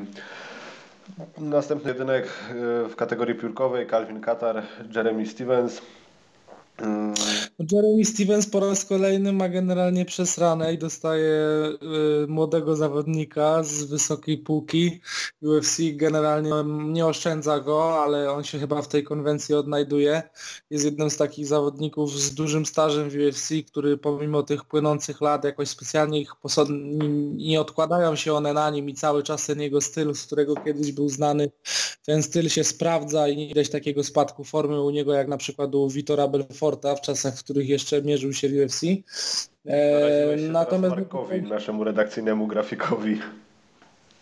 Nie, no tutaj wiesz, obiektywizm obiektywizmem i na pewno Mareczek rozumie to. Oczywiście serdecznie pora, po, pozdrawiam e, Ramireza, naszego grafika kochanego.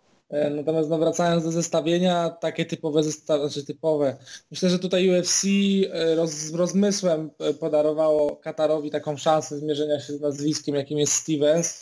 To też jest gwarancja dobrego pojedynku i na pewno Katar brał to pod uwagę, biorąc ten pojedynek. Fajna walka, będzie się dużo działo, na pewno chłopaki nie zanudzą no i, i, i mimo wszystko obstawiam Stawiam jednak zwycięstwo Katara, ale e, tutaj e, skłaniałbym się ku decyzji. Walka jest trzyrundowa. Stevens też miał pięciorundówki w swojej karierze, wie jak tą kondycję rozkładać, więc on będzie na pewno mocny od pierwszej do minuty w tym pojedynku. No, Stevens przychodzi po bodajże czterech porażkach i jednej walce no contest, no contest e, z Rodriguezem. Przegrywał, ale przegrywał samym topem tej kategorii piórkowej wydaje mi się, że ten pojedynek, tak jak Ty wspomniałeś, Jacek, będzie widowiskowy i potoczy się na dystansie trzech rund i finalnie to Katar wygra decyzją. Myślę, że będzie to bokserskie starcie i tutaj Katar będzie bazował na, na pracy na nogach i gdzieś tam mocnych kontrach w, w stronę Stevensa i finalnie wypunktuje go na pełnym dystansie. Tomek? Hmm, czy to będzie pojedynek bokserski? Tu bym się nie zakładał, bo no owszem, ze strony Katara to będzie na pewno próba meczu bokserskiego. Natomiast no Stevens, to, to jak już powiedzieliście, on teraz jest na fali przegranych, ale to są po naprawdę znakomitych walkach. To pamiętam, to było chyba trzy walki do tyłu, e, znaczy właściwie cztery, bo jeszcze ta no contest, e, to e, trafił na Jose Aldo i został przez niego złamany dosłownie i w przenośni. Dostał cios na tułów, który go złamał w pół. I to też złamało go strasznie psychicznie, bo do tego momentu on był taki rozpędzony, nie odfala, on naprawdę chyba myślał o tym topie i o może jakimś pasie, miał takie wielkie ambicje, no i Aldo po tym jak go złamał, to coś mu pękło w psychice, tam wtedy była jakaś próba samobójstwa, psychiatryk, no ciężko to się na nim odbiło. I po tym Jeremy Stevens, no, znaczy wrócił do formy, bo to, co on wyrabia w klatce, to, to naprawdę to jest no, szacun, szapoba, jest świetna kondycja, świetne umiejętności, świetny charakter, no ale jednak przegrywa. Dają mu walki, które on bierze i przegrywa. Po fantastycznych walkach je przegrywa, ale przegrywa. No i teraz będzie z młodym wilkiem, e, tak, no, wszechstronnym zawodnikiem ze świetnym boksem. No, będzie miał znowu bardzo ciężko. No, będzie pewnie da z siebie wszystko, żeby tą walkę wygrać, ale ciężko będzie.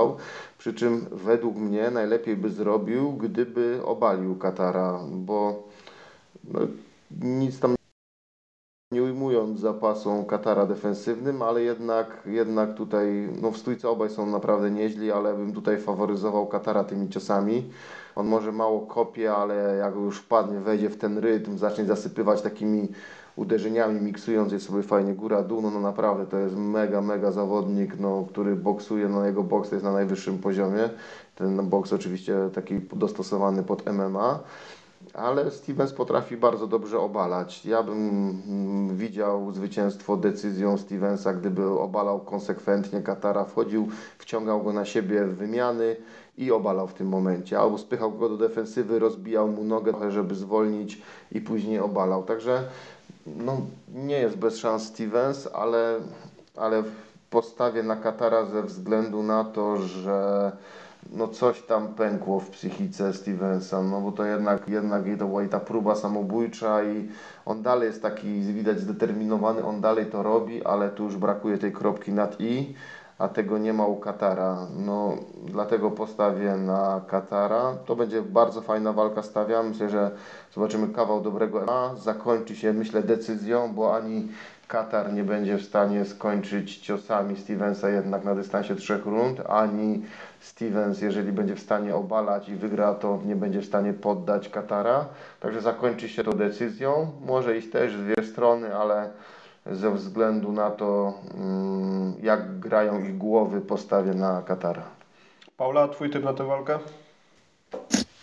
No ja nie mam nic do dodania, bo wy już tutaj wszystko e, dobrze podsumowaliście. Myślę, że Katar mm, zwycięży, ale no tak naprawdę nic nie wiadomo. Ja jestem szokowana na przykład tą informacją o tej próbie samobójczej, aż tak, nie wiem, jakoś mnie to musiało ominąć w takim razie, bo w ogóle sobie takiego faktu nie przypominam.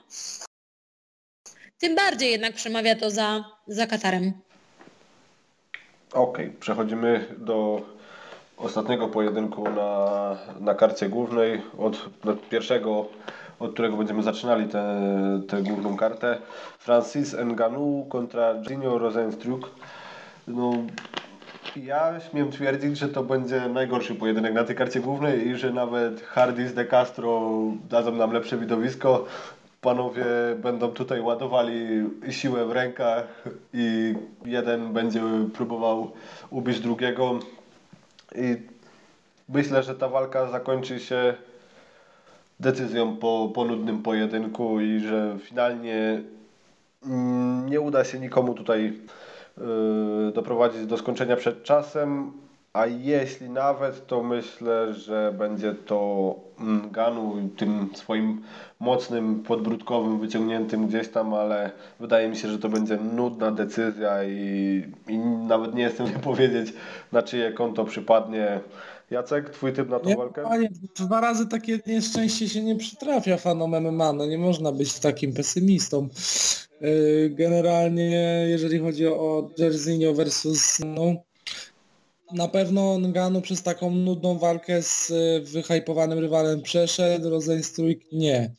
E, Myślę, że Rosenstruik jest jednym z pierwszych zawodników, którzy tak naprawdę stanowią dla Nganu zagrożenie w kategorii znokautowania Francisa, bo zazwyczaj było tak, że było pytanie walk, przed walką z Nganu, czy głowa przeciwnika Nganu doleci y, do miasta obok, czy dwa kraje dalej. Jakby mm, bardziej tego dotyczyła rozkminka, a nie tego, że ktoś może go znokautować. No a teraz faktycznie po Deriku Luisie druga próba zestawienia go z kimś, kto ma e, naprawdę no, no, no, re, no nie wiem, że realne szanse, bo każdy zawodnik ma realne szanse, ale w wyobraźni fanów pojawia się taki właśnie scenariusz i ja osobiście uważam, że Rosenstruik może tą walkę wygrać i jestem, myślę, że jest ten zawodnik, który jest w stanie pokonać każdego po tym, w jaki sposób rozprawił się z Alistarem Overeemem w ostatniej sekundzie walki. Oczywiście tutaj kwestie e, decyzji sędziowskiej to już jest odrębny temat na odrębną rozmowę, ale on się jakby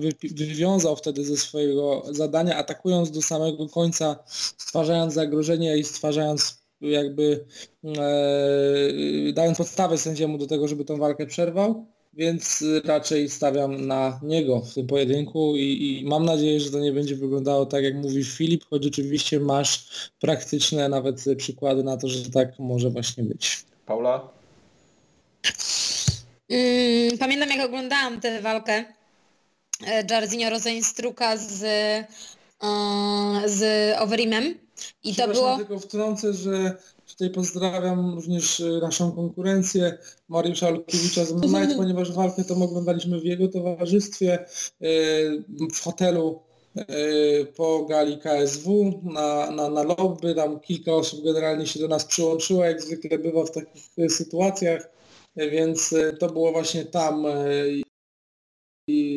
wtedy, wtedy ta walka miała, miała miejsce i mam faktycznie taki fotograficzny flashback z tego, jak siedzimy o 6 rano styrani robotą na gali e, i oglądamy to jako ostatnie osoby w lobby. Tak, jeszcze Mariusz jako wielki fan, yy, jako wielki fan Overeema miał pretensje, że w ogóle to jest, to się... Wałek. Wałek, wałek, wałek, tak, pamiętam to bardzo dobrze. Yy, co Przepraszamy Mariusz, że zdradzamy takie prywatne sekrety z naszych, e, że tak powiem, czasu wolnego po pracy, no ale cóż, no tutaj na łamach MMA Tonight wielokrotnie udowadnialiście już, że granica przyzwoitości została przesunięta, e, tak nie możemy pozostawać dłużni jako wasza konkurencja. A to ja Zgadza mam się, pytanie. Czekaj, to ja mam pytanie, Jacek, jak już takie rzeczy sobie wyciągacie, bo oni dzisiaj świetnie też nagrali live, tam właśnie poruszali dużo takich tematów, ale znowu było o piciu różnych alkoholi, to powiedz, co wyście wtedy pili, jak oglądaliście walkę Overina z Rosenstukiem? No, generalnie klasyczny zestaw e, whisky z e, Coca-Colą. Pewnie o godzinie 6 rano tej Coca-Coli już mogło nie być. E, wiadomo jak to bywa z popitką. Także na pewno coś mocnego kalibru generalnie. Tyle mam tutaj w tej sprawie do powiedzenia, aczkolwiek walkę oglądaliśmy każdy na jedno i drugie oko, także jeszcze nie było tutaj podstaw do przerwania tego pojedynku. A kto kogo przepił u Was? Kto wygrał pojedynek? Wiesz co, chyba akurat wtedy skończyło się na no contest, ponieważ no, nikt nie był, nikt nie zrobił formy, jaką należy zrobić do tej gali i odpuściliśmy sobie rywalizację. Rozumiem to. A ja z kolei pamiętam piwka, bo przecież byliśmy...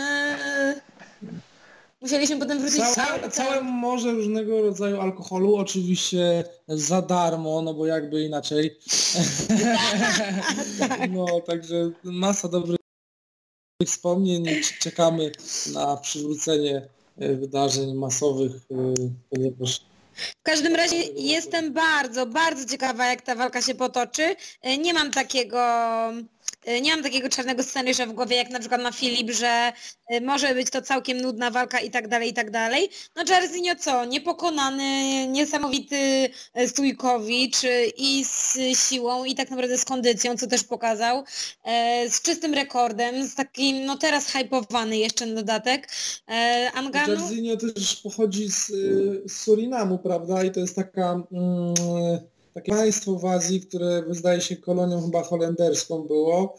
I tam też sporo jest taki rynek właśnie boksu tajskiego i wielu zawodników stamtąd prezentuje fajny poziom stójkowy, a on tak naprawdę jest pierwszym, który się do takiego głębokiego mainstreamu e, w tym MMA, także też no, na pewno ciekawa historia za tym gościem idzie, nie tylko ciekawe imię i nazwisko, ale również jakieś powody, dla których e, w te MMA tak mocno poszedł i się temu poświęcił. Także no, dla mnie to jest taki troszeczkę Izrael Adesania, tylko że właśnie nie tak jak w przypadku Adesani, gość z nigeryjskimi korzeniami, który y, jest, jest gdzieś tam od dłuższego czasu związany z Nową Zelandią, tylko, tylko właśnie Jarzinho, który jest reprezentantem tej bardziej szkoły, no jakby na to nie patrzeć, azjatyckiej. Nie?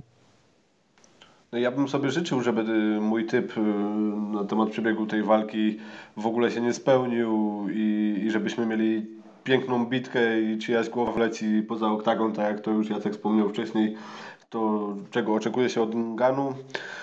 Tomek? No to się faktycznie może potoczyć dwojako. No, jeżeli pójdą chłopaki na wymianę dwóch mega ciężkich, dwóch stójkowców, pójdą na początku na wymianę, to będziemy mieli piękne KO w pierwszej rundzie i to wtedy uważam Enganu znokautuje Rosenstruka. No Rosenstruk pokazał, że no tam ta walka, o której mówiliście przed chwilą, walka z Overimem, on sobie bardzo fajnie radził. No ale gdzie stójka Overima bokserska, gdzie stójka Enganu? Enganu no po prostu no Overim to pomimo, że zawodnik K1 to no owszem kolana super, kopnięcia super, ale te ręce to dramat. E, natomiast Enganu no po prostu ze swoich rąk robi perfekcyjny użytek i ta no, garda Rosenstruka tutaj no, no może tego nie wytrzymać, jest w stanie znokautować na pewno Rosenstruka. Także jeżeli pójdą chłopaki na tą, tam pomimo, że Rosenstruk to jest naprawdę świetny kickboxer, on tam on się z kickboxingu wywodzi, dużo walczył, ale to ten boks w małych rękawiczkach to, no, to jest co innego. Przy tej sile ciosu Enganu no może urwać głowę Rosenstrukowi, nie, nie pomoże mu ten background kickboxerski. No natomiast no, jakie są słabe strony Enganu, no to wiadomo cardio, a Rosenstruk pokazał, że on potrafi walczyć na długich dystansach, Enganu za to nie bardzo. Na miejscu Rosenstruka przetrzymałbym tą pierwszą rundę, nawet poszedłbym, nie wiem, po sprowadzenie, obalił, przeleżał, spompował sobie Enganu i w momencie, kiedy Enganu się spompuje, to już może być wtedy nawet rozwalony i w stójce przez Rosenstruka. Czyli... Ja bym chciał zwrócić uwagę na taki aspekt w tej walce, w którym Gan wchodzi do tej walki mając ze sobą taki pojedynek, który mocno fanów rozczarował i który go troszeczkę w tych kategoriach takiej popularności bycia lubianym cofnął, prawda? Bo tak naprawdę do czasu walki z Derekiem Lewisem był mega hype i ciężko było znaleźć jakiś krytyczny komentarz w, w stosunku Francisa, no bo robił to tak naprawdę do czego zawodnik MMA jest, y, y, y, czego kibice po nim oczekują. E, potem po tej walce było takie zachwianie troszeczkę e, jego powiedzmy renomą i on już będzie wchodził z pewnym bagażem psychicznym do tej walki, wiedząc, że już jedną walkę z takim mocnym powiedzmy rywalem yy, stójkowym, gościem, który, z którym jest oczekiwanie, że będzie mocna wojna, więc on może popełnić jakiś, przepraszam, błąd z tego powodu, że wchodzi do tej walki z taką pełną głową. Natomiast Rosenstruik ma tutaj lepszą sytuację, ponieważ on każdą walkę, którą robił w UFC, e, każda z tych walk była dobra, kończyła się przed czasem. No i, i, i Rosenstruik na większym ludzie może do tego zadania podejść. Myślę, że po tych ciosach Francisa Nganów widać gołym okiem, że te ciosy są mega mocne. E, przy Rosenstruiku ta widoczność tych ciosów, tej siły już nie jest taka obie, o, o, oczywista, ale też Rosenstruik naprawdę ma mega rakietę w łapie i myślę, że jak trafi w odpowiedni punkt na szczęce Francisa to może nim zachwiać. Zresztą Curtis Blades w pierwszej walce w Nganus y, y, gdzieś tam uderzał parukrotnie, y, udawało mu się trafiać Francisa, no i nie robię ciosy jakiegoś mega wrażenia, ale też ciężko powiedzieć, żeby Francis te ciosy zjadał, śmiał się z nich i szedł z wywalonym jezorem do przodu, bo tak nie było. Kto nie widział, niech sobie ten pojedynek obejrzy, no bo trwał on troszeczkę dłużej niż ten drugi pojedynek Francisa z Curtisem. Także, także no tutaj na pewno pewno istotny ten aspekt y, i, i, i, przede wszystkim, tak wracając jeszcze do tej walki z Overimem, no tutaj należy nadmienić, że jednak Overim tą walkę wygrywał, tam była pięciorundowa, no nie wiem, dominacja w stójce, ale jednak Overim, y, bo było to oczywiste, że jeżeli ta walka się skończy przed e, jakby decyzją i do tej decyzji dotrwa to, że Overin tą walkę wygra, on miał tą walkę w kieszeni, troszkę w ostatniej minucie został rozproszony, nie wiem czy to już to zmęczenie go tak mega chwyciło, czy, czy jakiś inny czynnik go tym zadecydował, że dał się zapędzić zupełnie niepotrzebnie, mógł z tej pozycji pod siatką uciekać, no a potem ten cios, mega rozcięcie, sędzia, który widział to z bliska, miał najlepszą perspektywę, przerwał. Wiadomo, że ten aspekt ostatniej sekundy z punktu widzenia przepisów no, nie robi za wiele. Walka ma 15 minut, a nie 14 minut i 59 sekund. Także e, no, no na pewno Rosenstruik nie powiem, że dostał prezent, bo gdyby nie walczył do końca, to by tego nokautu nie było i tak jak wcześniej go chwaliłem, tak chwalić go będę aczkolwiek no, od losu taki de delikatny, taki, taki, taki, taki, taki łód szczęścia jednak go też spotkał, że, że ten sędzia wkroczył i dał tego Overeemowi wygrać na punkty, no bo kto widział tą walkę, ja widziałem może po procentach, po whisky, po piwie w sumie, nie wiadomo, tutaj zeznania są rozbieżne, ale jednak wydawało mi się, że Overeem mocno to zdominował, także mm, no ciekaw jestem, czy Rosenstruik wyciągnął wnioski, na pewno miał mega bazę do tego, żeby popracować nad swoim stylem, bo przewalczyć z tego tytułowanym zawodnikiem 25 minut jak Alistar Overeem to jest taka szansa i taka rzecz porodzeniem za walkę, która na pewno dla zawodnika jest w dru drugiej kolejności, jak nie w pierwszej istotna. I y, no może tutaj poważne wnioski wyciągnąć i on jest jednak troszkę jeszcze wcześniej, na wcześniejszym etapie kariery niż Rosenstruik, ponieważ no, miał okazję walczyć o pas już jakiś czas temu. Mm, także mm, no nie jest to żadne zderzenie generacji, bo to są zawodnicy, którzy pochodzą z tej samej generacji, chyba nawet Rosenstruik młodszy od Francisa, no mniejsza z tym. E, fajna walka i e, coś, taki pojedynek, na który kategoria ciężka na pewno czekała i oby, oby chłopcy tego nie zepsuli. No bo mogą zepsuć, może się okazać, że on dyszeć na siebie ciężko i przez dwie rundy. Ja myślę, że tutaj trzeba byłoby przyjąć e, zasady tej organizacji, która teraz e, do Polski wchodzi na gołe pięści. Tam jest dosyć mała arena walk, na której zawodnicy są e, skotłowani i na takim e, obszarze na pewno nie mieliby gdzie przed sobą uciekać, także e, jak nie wyjdzie w tej klatce, to może z następną walkę Nganu z jakimś kozakiem po prostu wpuścić ich na mniejszą, na mniejszy metraż, lepiej sobie poradzą. Ale nie kraczmy, może będzie zupełnie przeciwnie do tego, co tutaj jako pewną hipotezę stawiamy i będziemy jeszcze wracać walki jako jednej z ciekawszych walk tej kategorii w ostatnich latach. Gdyby wpuścić ich do mniejszej klatki, to jestem pewien, wygrałby Enganu.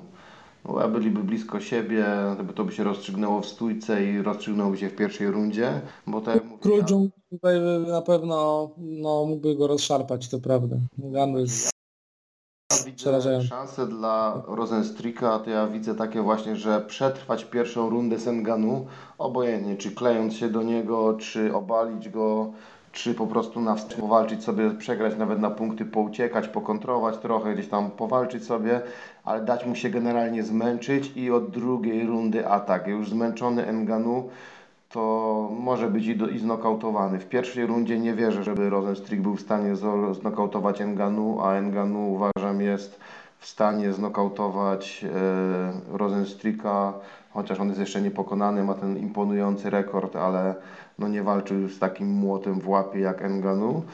No i teraz pytanie, kto to lepiej rozegra. No ty Filip mówiłeś, że Enganu wychodzi z takim obciążeniem tutaj do tej walki, że musi teraz za wszelką cenę się lepiej pokazać. No, przewaga Rosenstrika jest taka, że on ma na pewno lepsze cardio, on pokazał, że umie walczyć do samego końca, dosłownie do ostatniej sekundy potrafi walczyć, może odwrócić losy walki w ostatniej sekundzie.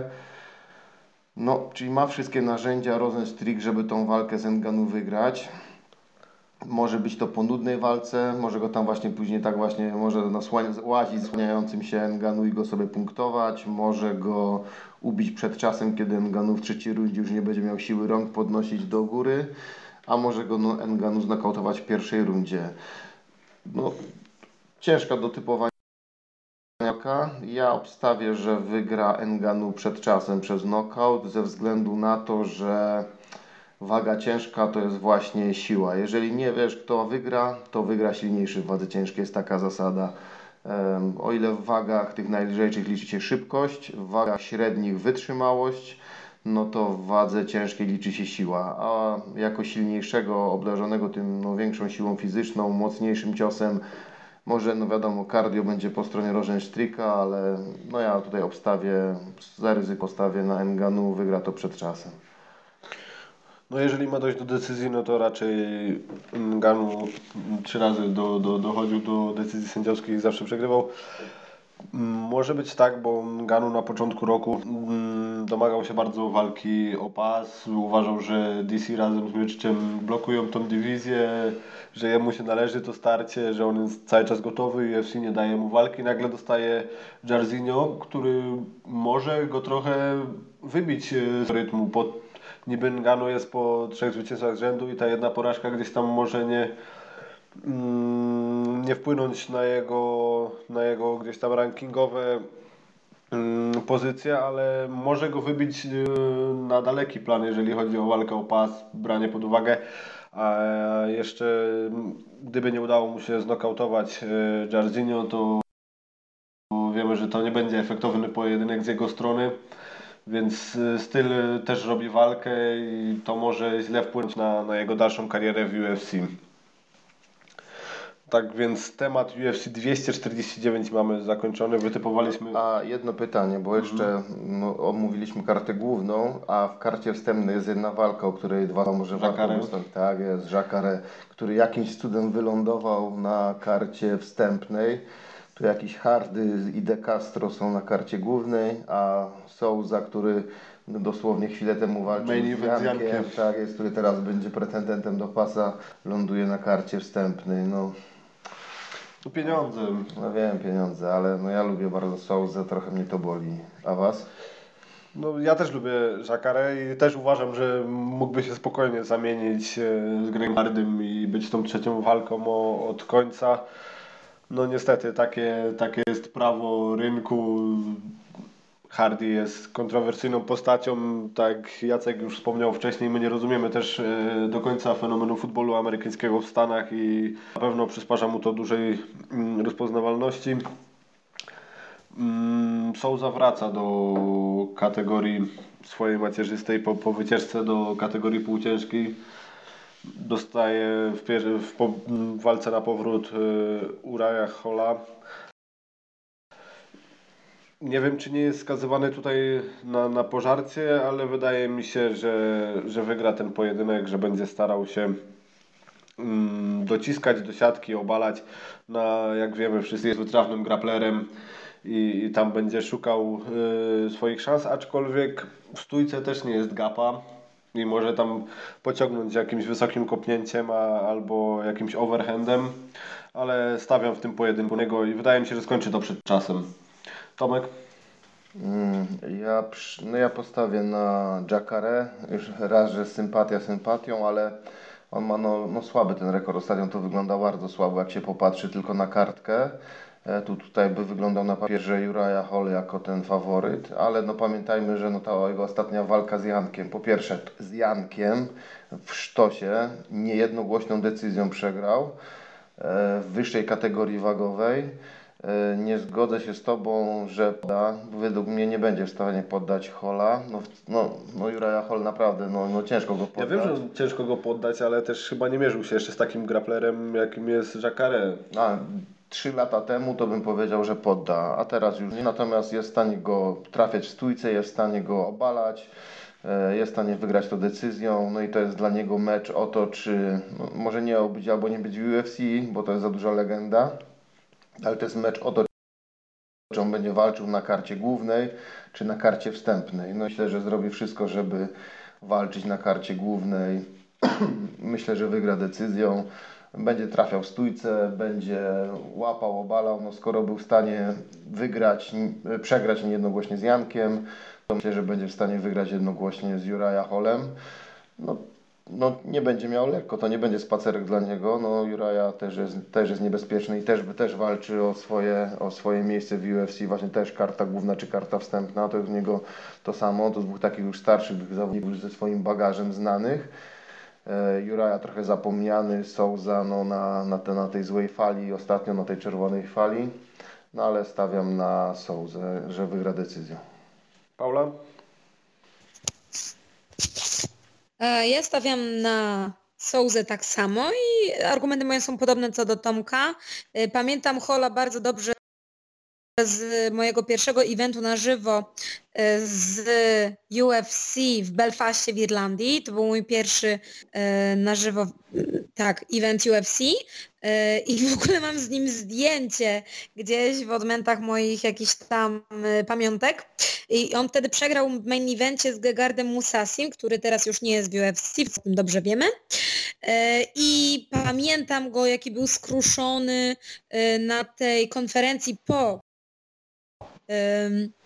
pogali e, i w ogóle nie zostawił po sobie suchej nitki. Pamiętam, że tam właśnie e, mówił, że no w sumie należy się ta wgrana i tak dalej, i tak dalej. I taki, wydaje się to być taki zawodnik, chcę z takiego psychologicznego punktu e, widzenia tyle, ile mogłam od niego odczuć na żywo, że to jest taki zawodnik, który mm, jest sportowcem, jest atletą, ma dużo atrybutów, ale mimo wszystko to jest... Y, myślę, że Żakarek mimo wszystko jest dla niego trochę za duży kaliber i że spokojnie da radę y, jednogłośnie z nim wygrać. No właśnie między innymi przez to, że ta walka z Jan była w sumie całkiem wyrównana. Ona była, jednogłoś- ona była jednogłośna, tak? Nie, nie, nie, nie, Właśnie nie, chodzi o to, że no Janek tak ledwo, ledwo wygrał. Ja, ja się obawiałem, patrz, okej. oglądając tą walkę. Znaczy pamiętam, się że była bliska, ale nie miałem werdyktu, czy była tam split, czy decyzja i teraz jeszcze powtarzacie, że split. No, w każdym razie y, typuję, typuję Żakarę i y, potwierdzam też to, co mówicie, czyli sympatię do tego zawodnika, bo też y, ja go bardzo lubię. Ja to jestem ciekawy, czy, czy Jacek też darzy sympatią Żakarę. No oczywiście na pewno e, fajny zawodnik, oglądałem wiele jego walk. E, w, zawsze w tych walkach dążył do tego, żeby swojego przeciwnika skończyć. Parę razy lądował na wozie, parę razy lądował pod wozem. Na pewno ten prime ma już za sobą, jednak tutaj y, zegarka kalendarza nie da się zatrzymać. No jest to zawodnik, który, który od wielu lat rywalizuje jeszcze wcześniej przed UFC w Strikeforce z takich y, większych organizacji. No taka historia naprawdę wielu zawodników z jego czasów już nie walczy, ma pokończone kariery, a on cały czas na tym najwyższym poziomie wybiera się, wybrał się do wyższej kategorii wagowej, no odbił się od niej, od naszego Janka po dosyć wyrównanym pojedynku. Ja myśleli Hall, Hall tak naprawdę ma y, moim zdaniem szansę zakończyć tą walkę tylko poprzez jakieś bardzo mocne kopnięcie, które będzie w taki sposób zadane, że Jacare tego nie zauważy i zostanie lekcyjnie kopnięty jakąś obrotówką albo jakimś frontem a la Lyoto Machida w y, szczękę i w ten sposób go odetnie Hall, bo no nie widzę jakichś innych y, atrybutów jego, które byłyby na tyle wyjątkowe, żeby Jakarę przełamać, czy w stójce, w zapasach, czy, czy w tym, co się dzieje w klinczu, czy, czy jest to mega silny zawodnik i, i na pewno z, bez problemu ten limit wypełni z powrotem, no i też widzę go jako faworyta, natomiast myślę, że fajny matchup, szkoda, że na karcie wstępnej nie jest to dobra wiadomość dla Janka, że jego były rywal walczy na karcie wstępnej. Oczywiście najważniejsze jest to ostatnie zwycięstwo z Korejem, ale miejmy nadzieję, że Jakare tutaj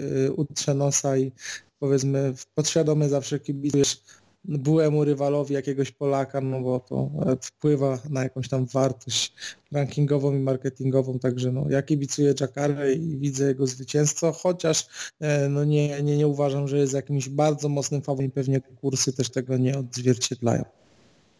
No to myślę, że temat gali UFC 249 mamy zakończony. Mam nadzieję, że nasze typowanie nie pójdzie na marne i ta gala się odbędzie, że, No, oby, oby. że żadne obostrzenia tego nie, nie zablokują. No, ja jestem modny już tego MMA i będę oglądał na pewno od początku do końca, a pewnie oko mi nawet jak Francis Ngannou da nudną walkę z Jarzinho, to raczej też nie zasnę i będę, będę po prostu tak głodny tego sportu, że obejrzę ją jak po, po dużej dawce kofeiny. Mm, Kolejne, kolejne gale też się zapowiadają, ponieważ Dana White, e, jak już wcześniej wspominaliśmy o tej wyspie, chce ściągać międzynarodowych zawodników prywatnymi samolotami. No niestety nie udało się tego zrobić tutaj z Kamilem Magomedowym. Może i do tej walki już nigdy nie dojdzie. Jak już wcześniej też e, wspominaliśmy, na szali e, walki Fergusona z Gaethje jest tymczasowy pas kategorii lekkiej. Ja odnoszę wrażenie, że Fergusonowi już nie zależy chyba na tym pasie. Zależało mu na walce z Khabibem, w udowodnieniu w końcu kto jest tym najlepszym zawodnikiem kategorii lekkiej, bo mimo tego, że Khabib dzierżył pas, to jednak zawsze były te głosy, że, że Ferguson ma tą serię wygranych i musiało dojść do konfrontacji, który jest lepszy. Nie dowiemy się tego tym razem, czy dowiemy się kiedykolwiek, no to, to ja już sceptycznie do tego podchodzę, bo to jest chyba jedyny pojedynek y, tak często zestawiany, który nie dochodził do skutku. Mm, Są jeszcze jakieś tematy, o których chcecie porozmawiać? Ja mam jeden, a wy? No ja też coś znajdę, to nawijaj. Aha, no to ja się chciałem odnieść, tak, jest teraz, co dzisiaj za dzień tygodnia? Wtorek, nie? Wtorek, nie? Przepraszam, bo ja teraz na bezrobociu, to mi się nawet dni mylą. E, Jest wtorek i mieliśmy zaczynać nagrywanie o 21. Trochę nam się to przeciągnęło ze względu na to, że chłopaki z MMA Tonight nagrywali live'a i ja bardzo chciałem tego live'a do końca posłuchać. Brawa dla chłopaków, no to już oni zrobili w ciągu kilku dni dwa live'y świetne. Ten dzisiejszy to był tylko w dwuosobowym składzie. Mariusz Olkiewicz i Radek nie lubię. Radek, a ja mam z tym Radkiem. Co ja mam z tym Radkiem? Ja, za każdym razem, jak ja myślę o Mariuszu, to mi się ten Radek wkleja, bo ja mam takiego podobnego kumpla do niego, że to jest ogień. Nie? No w każdym razie mega fajnie zrobili dzisiaj e, live. E, I na końcu tam troszeczkę nie było maliny, zabrakło maliny. To już Malina drugi zawsze, raz, jak drugi raz, tak jest. I już drugi raz mu tam cisnęli, jak go nie było, naprawdę widać jak jest malina to wszystkim ciśnie, a jak nie ma maliny to przy vendetta, wtedy malina zbiera. Na końcu tam się trochę dostało malinie, jeżeli chodzi o, o, o, o treningi, o, o prowadzenie się sportowe. Tam padło, tam troszeczkę chłopaki porozmawiali na temat tego, jak to jest z sylwetką, jak to wygląda obciążenie treningowe w mm, rekreacyjnej kulturystyce i w sportach walki. To tam chciałem do tego uzupełnić troszeczkę, bo e, Mariusz, zwany przeze mnie Radkiem, e, a przy okazji Mariusz, wielkie dzięki za życzenia urodzinowe. E, Dużą przyjemność mi sprawiłeś, dzięki bardzo stary. No, Mariusz, się, Mariusz, jak wiadomo, on ćwiczy sport sylwetkowy, to znaczy zajmuje się taką amatorską, no nie wiem, czy to kulturystyką nazwać, no taką ćwiczeniami siłowymi skierowanymi na modelowanie sylwetki. Tym zajmuje się Mariusz, natomiast Malina trenuje sporty walki, trenuje MMA, nawet już miał tam swój debiut w semi-pro chyba e, i on się tym zajmuje i Mariusz dziwił się, e, ironicznie się dziwił, e, dlaczego Malina nie jest taki wyrzeźbiony, skoro On trenuje sporty walki, które są takie mocno energochłonne i zwalał to na dietę, którą Malina trzyma, czy właściwie której Malina nie trzyma. Mm, to tak, no ja nie wiem jaką dietę trzyma bądź nie trzyma Malina. Tam wiem, że pizzę lubi, no ale no, pizza też jest dla ludzi, jak ktoś nie jest kulturystą startującym albo nie ścina e, wagi do walki, to można sobie pizzę zjeść. Natomiast e, ma taki typ budowy, zdaje się. Ja nigdy nie widziałem Maliny na żywo, widziałem Mariusza na żywo. E, I Mariusz to jest taki wysoki facet naprawdę, szczupły. Wydaje mi się, że Mariusz jest ektomorfikiem. E, to jest typ budowy o bardzo szybkiej przemianie materii. U niego większym problemem jest nabieranie masy niż trzymanie rzeźby. Natomiast u Maliny, Malina to zdaje się, ja go znam tylko ze zdjęć, e, no i z rozmów przez, przez internet, ale nie widziałem go nigdy na żywo, ale to jest chyba endomorfik. Endomorfik to jest grubokościsty typ, który bardzo łatwo nabiera masy, ale nie tylko mięśniowej, tylko też tłuszczowej. I to jest po prostu taki wolniejszy metabolizm naturalnie u takiego osobnika i nawet jeżeli się trenuje ciężko z walki, to można mieć niewyciętą sylwetkę będąc e, właśnie endomorfikiem, a to podwójnie dotyczy zawodników wagi ciężkiej, którzy tej wagi nie muszą ścinać, a Malina, poprawcie, jeśli się mylę, ale on właśnie w wadze ciężkiej występował chyba, nie? Raczej tak. No. E, e, I dużo jest takich zawodników, e, którzy walczyli w wadze ciężkiej i wyglądali no, na w ogóle niewyrzeźbionych, a pomimo to byli znakomitymi zawodnikami. No, popatrzcie na Kormila, który nawet nie jest zawodnikiem wagi ciężkiej, ale nawet jak występuje w półciężkiej, czy nawet jakby tam zszedł do średniej, to i tak miałby tam spory balast. A już nie mówiąc o, o takich zawodnikach jak Mark Hunt, jak Roy Nelson, to byli znakomici zawodnicy wygrywający walki no, z chłopami, którzy mogliby prawie że w modelingu startować, wyrzeźbionymi, a byli łamani przez tych chłopaków takich zalanych. No wygląd nie walczy. To zawodnicy ci endomorficy, oni bardzo często są obdarzeni naprawdę taką zrywem. Mają problem w niektórych sytuacjach, na przykład ciężko im będzie walczyć z pleców, z gardy, ale za to są bardzo trudni do obalenia, łatwo im się nauczyć, mają jak wykorzystają ten swój balans tułowia, nauczą się dobrze zapierać na nogach, e, to ciężko ich obalić, to było widać na przykład po Marcie, kiedy on jeszcze w Pride zaczynał swoją karierę jako zawodnik K1, on zapasów prawie w ogóle nie kumał, a nawet, a pomimo tego mieli wszyscy problem go obalić, bo miał taki naturalny, dobry balans, nisko osadzony środek ciężkości, z tymi rękami, ciężko było podejść, a nawet jak się podeszło, to ciężko go było posadzić, a jak przyszedł do UFC, jeszcze bardzo fajnie ucieczki do stójki sobie zrobił. Ktoś go sadzał, a on jak ta wańka wstańka i od razu do stójki. Także to, że ktoś ciężko e, trenuje, znaczy ktoś wygląda jakby nie trenował ciężko, to wcale nie znaczy, że naprawdę ciężko nie trenuje. E, jeżeli no Malina jest endomorfikiem, tak jak ja przypuszczam, to to on może właśnie trenować w ten sposób, jeżeli mm, przykładnie do tego treningu takiej właśnie siły dynamicznej, do tego treningu siły, to nie jest trening, który by tam e, prowadził do obniżenia się masy ciała, nawet wręcz przeciwnie, trening siły takiej maksymalnej a to jest w wadze ciężkiej bardzo ważne, on prowadzi do zwiększenia masy ciała i to nie tylko mięśniowej, ale też tłuszczowej. Nie? Dlatego, że wtedy organizm potrzebuje dużo kalorii, lepiej tych kalorii dostarczyć więcej, żeby nie brakło, bo jeżeli będziemy dostarczali za mało, to y, będzie problem z.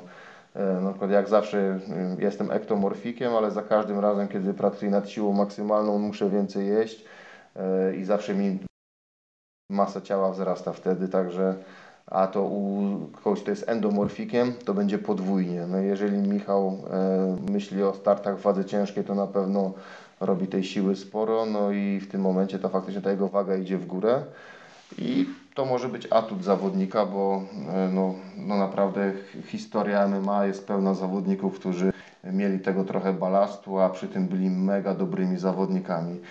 E, także sporty sylwetkowe rządzą się swoimi prawami, a sporty e, walki swoimi. To są dwie różne rzeczy. E, I druga rzecz, tam jeszcze o alkoholu znowu było. No, mianowicie Mariusz zauważył, że kiedy poimprezował w sobotę, co się łączyło ze spożywaniem znacznej ilości alkoholu, pokasował w niedzielę, to na treningu w poniedziałek często bił swoje rekordy siłowe i zwalał to na, znaczy przypuszczał, że to wynika z tego, że ta niedziela była na, na kacu pływała pod znakiem e, wyższej kaloryczności, że człowiek na kacu leży i jak śmieciarka zjada różne rzeczy. E, no otóż nie wynika to dokładnie z tego, tutaj rozwieję wątpliwości. E, kac rzeczywiście zwiększa siłę, to jest stary sposób polskich sportowców, między innymi bokserów, na przykład to jest taka ciekawostka, wielu bokserów to alkoholicy. Czemu tych starych? To w starych czasach, kiedy jeszcze nie było zawodowego w Polsce, zawody amatorskie polegały na tym, że jechało się na jakiś tam turniej, można było dziennie stoczyć jedną walkę. Jeżeli się tą walkę wygrało, powiedzmy w poniedziałek się zaczynał turniej, była walka, wygrałeś w poniedziałek, walczyłeś we wtorek, wygrałeś we wtorek, walczyłeś w środę. Tak dalej aż do finału. Przegrany odpadał, wygrany zostawał i tak wyglądały te turnieje. I stary sposób bokserów, z którego ja się kiedyś śmiałem, a się okazało, że ten sposób działa naprawdę, to było e, wyjść do walki na kim kacu, na lekki nie za mocnym. Czyli jeżeli miałeś walkę w poniedziałek, to w niedzielę wieczorem waliłeś setę wody przed spaniem, szłeś sobie spać, wstawałeś na leciuteńkim kacu, wystarczyło wypić trochę więcej wody, ten, to żeby nie, nie czuć tego i na tym dystansie, tam sekund po te 2 czy 3 minuty, ile oni tam wtedy walczyli, nie wiem, człowiek miał większego powera, był taki bardziej agresywny. Tylko jeżeli się wygrało tą walkę, trzeba było znowu sobie zaprawić delikatnie większą ilością, czyli jak wypiliśmy setkę w poniedziałek, trzeba było wypić tak z półtorej setki we wtorek. I znowu, następnego dnia, znowu na leciuteńkim kacu do walki. Jeżeli wygraliśmy, no to znowu trzeba było zwiększyć tą ilość alkoholu wieczorem. No i to, to tak dochodziło do prawie pół litra przed ostatnią walką chyba aż do takiej ilości nie dochodzili, zwłaszcza ci lżejszych wag, no ale to chodziło o to właśnie, żeby zwiększać tą ilość alkoholu i e, żeby za każdym razem być na lekkim kacu. No i to sprowadziło do tego, że no niestety ci bokserzy bardzo dobrzy zostawali później alkoholikami, no bo uli się tego takiego stopniowego, stopniowego picia coraz więcej, coraz więcej, coraz więcej. Jeden turniej, drugi turniej, jeszcze jakieś towarzyskie spotkania do tego dochodziły, bo też taka kultura tam była, żeby się napić. E, i to faktycznie tak działało. No, alkohol nie potrafię powiedzieć na zasadzie jakiego mechanizmu zwiększa e, takiej możliwości organizmu, taką właśnie siłę, agresję, ale lekki kas mniej więcej tak działa.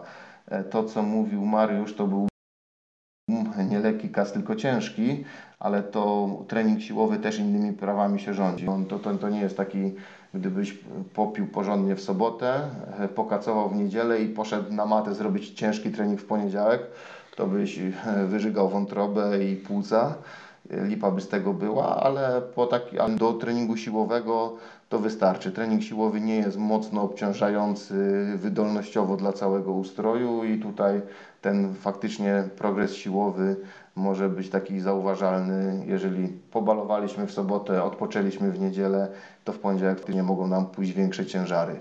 Przy czym proszę tego nie potraktować jako jakieś zachęcenie z mojej strony do używania alkoholu w sporcie, czy też używania alkoholu w ogóle, no bo to jest droga taka no, w ścianę, bo to przykład tych wszystkich bokserów, którzy no, z młodych, wysportowanych chłopaków zmienili się później no, w zapitych dziadów. No niestety no, znamy takie, takie dramatyczne historie, więc no, to jest taka droga w jedną stronę. Ja nikogo nie zachęcam, wręcz odradzam.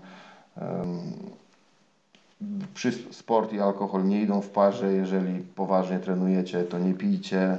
Wiadomo, wszystko jest dla ludzi, mm, ale jak myślicie poważnie o sporcie, nie pijcie, a jeżeli już pijecie, to z głową. Yy, taką ładną laurkę tutaj obroniłeś Malinę. Malina się nie pojawia ostatnio w MMA Tonight. Yy, dzisiaj Mariusz tam wjechał w ogóle odbiegł trochę od tematu, bo odpowiadał na moje pytanie zadane na czacie i, i nagle zszedł na temat trenowania Michała, yy, więc Michał, jeżeli jest Ci źle w składzie MMA Tonight, to ja ponawiam zaproszenie do, do tej lepszej części Intercage, do MMA Śląskim Okiem.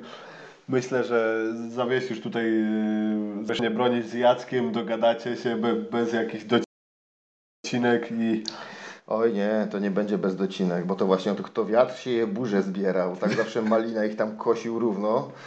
E, natomiast za brak pogody, no to teraz chłopaki mają używanie. Jak my tu ściągniemy malinę, to brawa, wszyscy po dupie będziemy zbierać, bo malina to, to pracował do perfekcji te swoje cięte. Przypomniał mi się jeszcze jeden temat a propos organizacji gal UFC 249 i, i tego, że planują kolejne wydarzenia co tydzień organizować. E, Organizacja Oktagon, na której Ty Jacek e, miałeś okazję być i poznać ją trochę od kuchni, ponieważ byłeś w narożniku Mateusza Lęgierskiego, e, organizuje turniej Oktagon Underground. Co tydzień przez 7 tygodni będzie się znajdowało czterech zawodników z Czech, czterech ze Słowacji. Czekają na zgłoszenia chyba do czwartku. Będą się bili na zasadach zbliżonych do MMA, ale nie do końca. Będzie walka 2 razy 3 minuty plus ewentualnie 3 minutowa.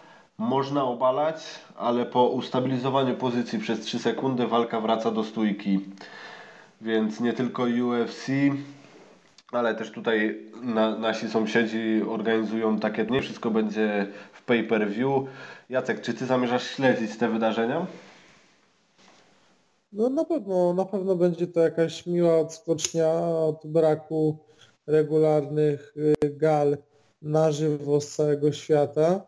Nie wiem, to jest dobre, że organizacja, która zajmuje się głównie promowaniem MMA, e, odwołuje się do jakichś zasad innych niż MMA, ale no widocznie taki jest zamysł, żeby tam było dużo akcji w okresie czasu i może nauczeni doświadczeniem i paroma słaby, słabymi walkami, które też poza fajnymi walkami się na tych galach odbywały, może nie chcą ryzykować takiej formuły. Eee, eee, Nie, nie, transmisja w pay-per-view jest, nie znam się na czeskim rynku, ale transmisja w pay-per-view jest dosyć ciekawa, bo jednak na przykład taki powiedzmy program tylko jeden, który u nas jest y, załóżmy odpowiednikiem tego, co się dzieje, chociaż w zupełnie innej formie, jednak jest na darmowej telewizji, także e, fajnie, że reagują, fajnie, że, że takie coś robią, że robią młody zaciąg, nowy zaciąg do organizacji. No i zobaczymy. E, Liczę na to, że też jacyś zawodnicy z naszego kraju się tam pojawią. No niestety z tego co, co ja czytałem na ich stronie to będą tylko Czesi i Słowacy. Ze względu na tą pandemię koronawirusa chcą to zamknąć tylko, tylko w swoim obrębie i co tydzień turniej będzie się odbywał na zmianę, raz w Czechach, raz na Słowacji. Finał zawsze będzie czechosłowacki. Mm, ale dążę też do tego, bo ty widziałeś to od kuchni, wiesz jaki boom jest teraz na MMA w Czechach, jaką popularnością cieszy się organizacja Octagon. Yy, Jak uważasz, czy oni są w stanie sprzedać te pay-per-view i przyciągnąć yy, widzów? Bo jeżeli my jesteśmy głodni tutaj w naszym kraju, głodni wydarzeń sportowych, to jeżeli oni zbudowali sobie tam taki, yy, tak duży elektorat fanów i, i oni czekają podobnie jak my na wydarzenia, może być to dla nich strzał w dziesiątkę. Powiem Ci tak, generalnie mm, wydaje mi się, że y, że Czesi jednak kupią per-view. Na pewno będą jacyś fani, którzy tego, y, którzy się zbuntują i tego nie zrobią, bo nie będzie im odpowiadała ta formuła, ale myślę, że jednak y, kupią to pay-per-view. Y, Myślę, że takie, takie, takie uwielbienie do tego narodowego produktu jest troszeczkę większe niż u nas i u nich ta sprawa fajnych gal wykracza poza to, że są to gale. No i generalnie myślę, że kupią to pay-per-view, nie wiem, czy wyniki będą porównywalne do takiej normalnej gali, ale, ale, ale wydaje mi się, że, że tam może to funkcjonować i y, też na przykład tak u nas w kraju, no fan tutaj ostatnio mm, była jakaś dysputa na temat tego view i tego ze 40 zł, że drogo, że w ogóle no ale cóż, trzeba organizacjom pomagać w ciężkich czasach. Jakbym był fanem m, organizacji takiej, która, która coś takiego robi, to bym to pay-per-view wykupił, także no, na pewno jak będę oglądać, to, to w jakiś sposób też będę musiał się do tego dołożyć. Okej, jest jeszcze jakiś temat? A ja bym jeszcze do tego, do tego tematu się chciał odnieść, bo jeszcze nie zabrałem głosu, bo też znam Oktagon od kuchni, super Aha, gala. tak, faktycznie. No jest to gala, która równuje najlepszym polskim galom, znakomicie zorganizowana, o fajnym poziomie sportowym, doskonale sędziowana, e, z bardzo dobrą publicznością, która bardzo fajnie tam rozumie to MMA, fajnie gra, e, przyjmuje ciepło z innych krajów, no w samych superlatywach mogę o tej gali powiedzieć. E, no i zdecydowali się na inną formułę. I szczerze mówiąc, ja się nawet cieszę. Ogólnie nie jestem fanem tego, żeby eksperymentowały organizacje MMA z innymi formułami. W tym wypadku jest trochę inaczej. A dlaczego? Mm, to ma być e, walka MMA bez parteru w założeniach, czyli rękawice do MMA, tłuczemy się w stójce, obalamy się, e, po zdobyciu pozycji, utrzymaniu i tam przed ustabilizowaniu od razu 3 sekundy w parterze do stójki, po ustabilizowaniu sędzia to wznawia w stójce. E, takie próby to już były nieraz podejmowane. E, a i te rundy mają być, to mają dwie rundy po 3 minuty bodajże być. Tak, plus ewentualna dogrywka. Ewentualna dogrywka do tego. Ja domyślam się, że taka formuła jest ze względu, że no, Czesi i Słowacy, tak jak my, mają ograniczone możliwości treningu, więc to się na pewno odbije na kondycji zawodników. A w MMA najbardziej męczące jest nie stójka, nie parter, nie zapasy, tylko łączenie tego w całość. Jest mnóstwo zawodników, jeden jest kozak w stójce, może walczyć pół godziny w stójce bez zadyszki, drugi się może godzinę kulać, ale jak oni później przyjdą, najpierw się pobiją dwie minuty w stójce, zejdą do parteru, dwie minuty kotła w parterze, wrócą do stójki i nagle obydwaj na odcień. W MMA, no zresztą y, Filip wiesz, bo sam trenujesz, no tu jest ten, że Jacek tak samo trenuje, największy problem jest ta wszechstronność, to najbardziej męczy i jeżeli odcinamy jedną płaszczyznę od tego i na odcięcie tej płaszczyzny powiedzmy najmniej widowiskowej albo może najmniej przez kibiców rozumianej, no, to sprawiamy, że e, jest dużo mniejszy mm, wymóg, jeżeli chodzi o wydolność zawodnika. I chłopaki, którzy mogli przygotować się dobrze kondycyjnie do tego turnieju, przez to, no, co się dzieje teraz z treningami przez koronawirusa, dużo lepiej zniosą trudy tej walki. Do tego krótsze rundy. No i też będą mogli częściej walczyć, bo to będzie mniej obciążające dla całego. Mm, ja kiedyś walczyłem we Francji, e, to teraz mają znieść ten zakaz MMA we Francji, wtedy kiedy ja walczyłem, wtedy MMA było zabronione, nie wolno było walczyć, nie organizować turniejów MMA i organizatorzy obchodzili to na różne sposoby. I tam na gali pamiętam, walczyłem, to było w Nicei, e, kombinowali, ja, ja walczyłem wtedy w kimonie i to było jako chyba full contact jiu-jitsu to się nazywa, nie, to było shido grappling to się chyba nazywało. To była taka walka, no takie coś w rodzaju MMA, my walczyliśmy w kimonach. E, I organizatorzy tej gali wymyślili też formułę stójka MMA, tak to nazwali. Miało być to założeniu e, rękawice do MMA, stójka i się okazało to totalnym niewypałem bo to się okazało, że to było zwykłe K1, tylko w rękawicach do MMA. Ciekawostka, no niestety nie odbyła się teraz gala, e, na której miało dojść do czegoś podobnego. Na Army Fight Night w Mysłowicach miał Kamil Jenel, nasz najlepszy polski kickboxer tej średniej wagi, miał wystąpić w rękawicach do MMA. Natomiast um, takie to szczerze mówiąc średnio, średnio działa, bo K1 to K1, Natomiast w MMA wszystko zmienia to, że są te obalenia. Jeżeli teraz Czesi i Słowacy zdecydowali się na dodanie obaleń do tej stójki, to naprawdę może być ciekawa formuła, bo będzie dynamiczna walka w stójce, będzie trzeba chodzić, to nie będzie jak w kickboxingu, stoimy naprzeciwko siebie, wymieniamy się kombinacjami, bo od razu jeden poleci na ziemię, to już będzie wymagało dużego ruchliwości, dużego poruszania się i ten obraz walki będzie w tym momencie zupełnie inny niż w K1. Może być całkiem ciekawa formuła w tym momencie i do tego bardzo dobrze odbierana przez niedzielnego fana, który niekoniecznie wszystkie mandry parteru będzie rozumiał. A tu będzie dla niego zrozumiałe kopnięcie to kopnięcie, uderzenie to uderzenie, przewrócenie to przewrócenie. Jestem ciekaw tylko jak detale zrobią. Będzie bardzo dużo od tego zależało na przykład czy będzie, nie ma nic o tym, czy wolno stosować techniki kończące. Niby parter ma być od razu podnoszony do góry, no ale przecież można kogoś udusić w stójce gilotyną, czy tam innym duszeniem, można kogoś poddać, można złapać kimurę, tak jak to, o czym dzisiaj mówiliśmy przy walce kobiet, e, jak Rosna Majunas e, złapać kogoś, kogoś w kimurę od razu obalić prosto w technikę kończącą, poddać go od razu, zanim te 3 sekundy w parterze miną, więc jestem ciekawy, jak to organizator rozwiąże oraz jak będzie punkt punktowane samo to obalanie, czy to będzie po prostu obalenie, bo obalenie, czy też będą jakieś leciały, na kartach sędziowskich się będzie zaznaczała jakaś większa przewaga przez to. Jestem ciekawy bardzo. No i przede wszystkim jestem ciekawy, jak będzie liczony klincz pod siatką, no bo tu jest największe wyzwanie dla organizatora, bo w MMA czasami te najnudniejsze momenty są wtedy, kiedy dwóch zawodników chyci się pod siatką, jeden trzyma drugiego, nie chce go wypuścić spod tej siatki, ten się bunkruje, bo się nie chce dać obalić, obydwaj się napinają i nic się nie dzieje. Czy to sędzia będzie też czekał 3 sekundy ich od siatki odrywał, czy będzie czekał, jeżeli za długo będzie czekał, to znudzi publiczność i te walki będą nieatrakcyjne, a z kolei jeżeli za szybko będzie to rozrywał, to walka straci ten swój sens. Muszą to naprawdę dobrze przemyśleć, ale potencjalnie to mogą być naprawdę bardzo fajne widowiskowe walki, jeżeli nie wpadną w pułapkę tego właśnie błędu w przepisach, w który już kilku organizatorów padło, no to może być coś bardzo ciekawego z tego. Trzymam mocno kciuki i na pewno ja sobie pay-per-view kupię i będę im kibicował.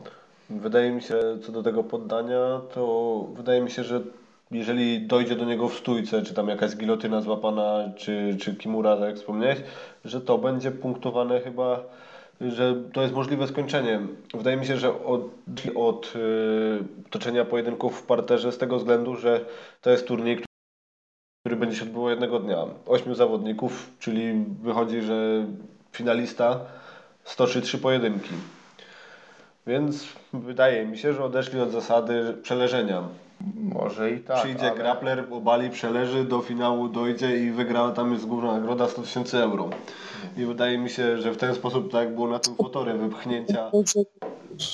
No. Chodzi też o to, żeby ci zawodnicy nie dostali też na przykład łokci z góry, bo to są takie ciosy, które mocno rozcinają, powodują ryzyko przerwań lekarskich i mimo wszystko odcięcie tej płaszczyzny parterowej daje dużo mniejsze pole do takich kontuzji tego typu. Mm, to niekoniecznie, bo to wystarczyłoby minować łokcie w parterze i już nie byłoby tego ryzyka, nie?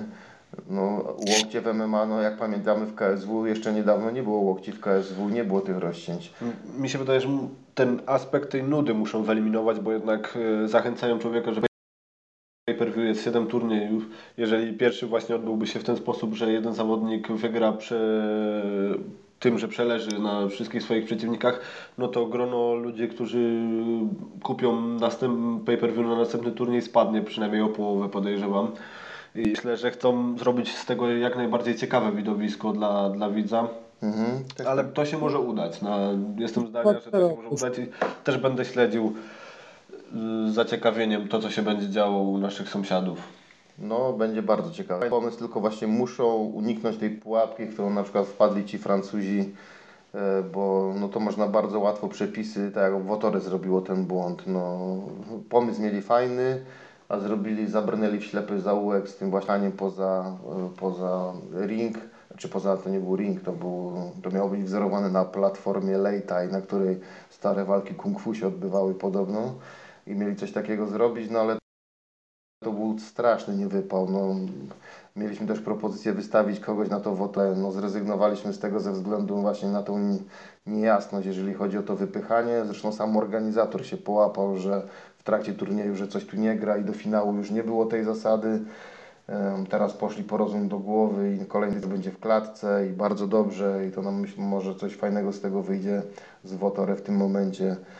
No i trzymam kciuki za oktagon, żeby właśnie nie wpadli w pułapkę jakiegoś takiego głupiego przepisu. Muszą myśleć, co z klinczem pod siatką, co z poddaniami w stójce, jak z ciosami w parterze, no bo jednak 3 sekundy, no to nawet można zrobić całkiem sporo. Jeżeli są łokcie do dyspozycji po obaleniu, to może to też dużo zmienić. No jestem bardzo ciekaw, jak to dokładnie będzie wyglądało. Czekam, aż organizator opublikuje regularny. No super. Szkoda, że Polaków w tym nie będzie, ale no będzie co oglądać na pewno. Warto też wspomnieć, e, Paula przeprowadzała dzisiaj wywiad ze Scottem Askamem. Nie wiem, czy widzieliście. Scott ostatnio wrzucił na swoje media społecznościowe propozycję turnieju w kategorii Open w organizacji KSW. Wytypował jako uczestników e, siebie, Mameda Tomasza Narkuna i czwarte nazwisko zostawił wolne. Zapytał fanów, kogo to widzieli i Malinę. Malinę w kategorii Open, tak. No mi przyszło na myśl tylko jedno nazwisko, jeżeli miałoby dojść hipotetycznie do tego turnieju, bo szanse są raczej nikłe na to, to mi się nasunęło nazwisko Adurajewa. A wy kogo byście widzieli? Jacek Paula? W turnieju wagi średniej? Nie, turniej Czy- miał być open. Open. Kurczę, wiesz co, wydaje mi się, że po prostu powinni doprowadzić do walki na Rakuna ze Scottem w jakimś tam umownym limicie i chyba na tą walkę po prostu czekam.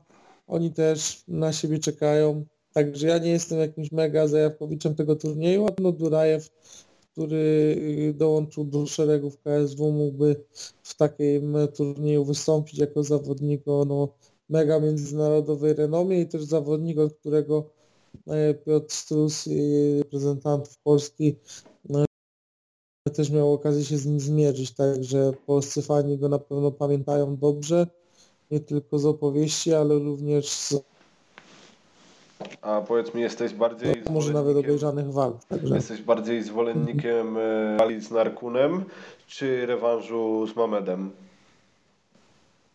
nie, ja, ja jestem zwolennikiem nowych, świeżych zestawień, także walka z Narkunem jest walką na pewno atrakcyjną. Ze względu na to, że y, Narkun zrobił wycieczkę do góry, nie udało mu się, odbił się od Defrisa, który jest też dobrym kolegą zresztą Scotta, więc zobaczmy jak mu pójdzie na y, troszeczkę mm, powiedzmy mniejszym limicie. Y, Walczył z Mamedem, dwukrotnie mu się udało zwyciężyć, także no generalnie ciekawa walka i mi ten pojedynek osobiście odpowiada, jestem jego entuzjastą, yy, lubię obydwu zawodników, Koskama szczególnie, także mm, ciekawe widowisko i też weryfikacja dla Tomka, no bo Tomek yy, latał do Stanów, był w Jackson Wing, gdzieś tam zaznaczał swoją obecność na tych treningach zjednoczonych. Wiadomo, że zawodnicy robią to po pierwsze dlatego, żeby zdobyć jakąś nową wiedzę, jakieś inne spojrzenie na swój własny styl, ale też jest to jakaś szansa, żeby się tam pokazać.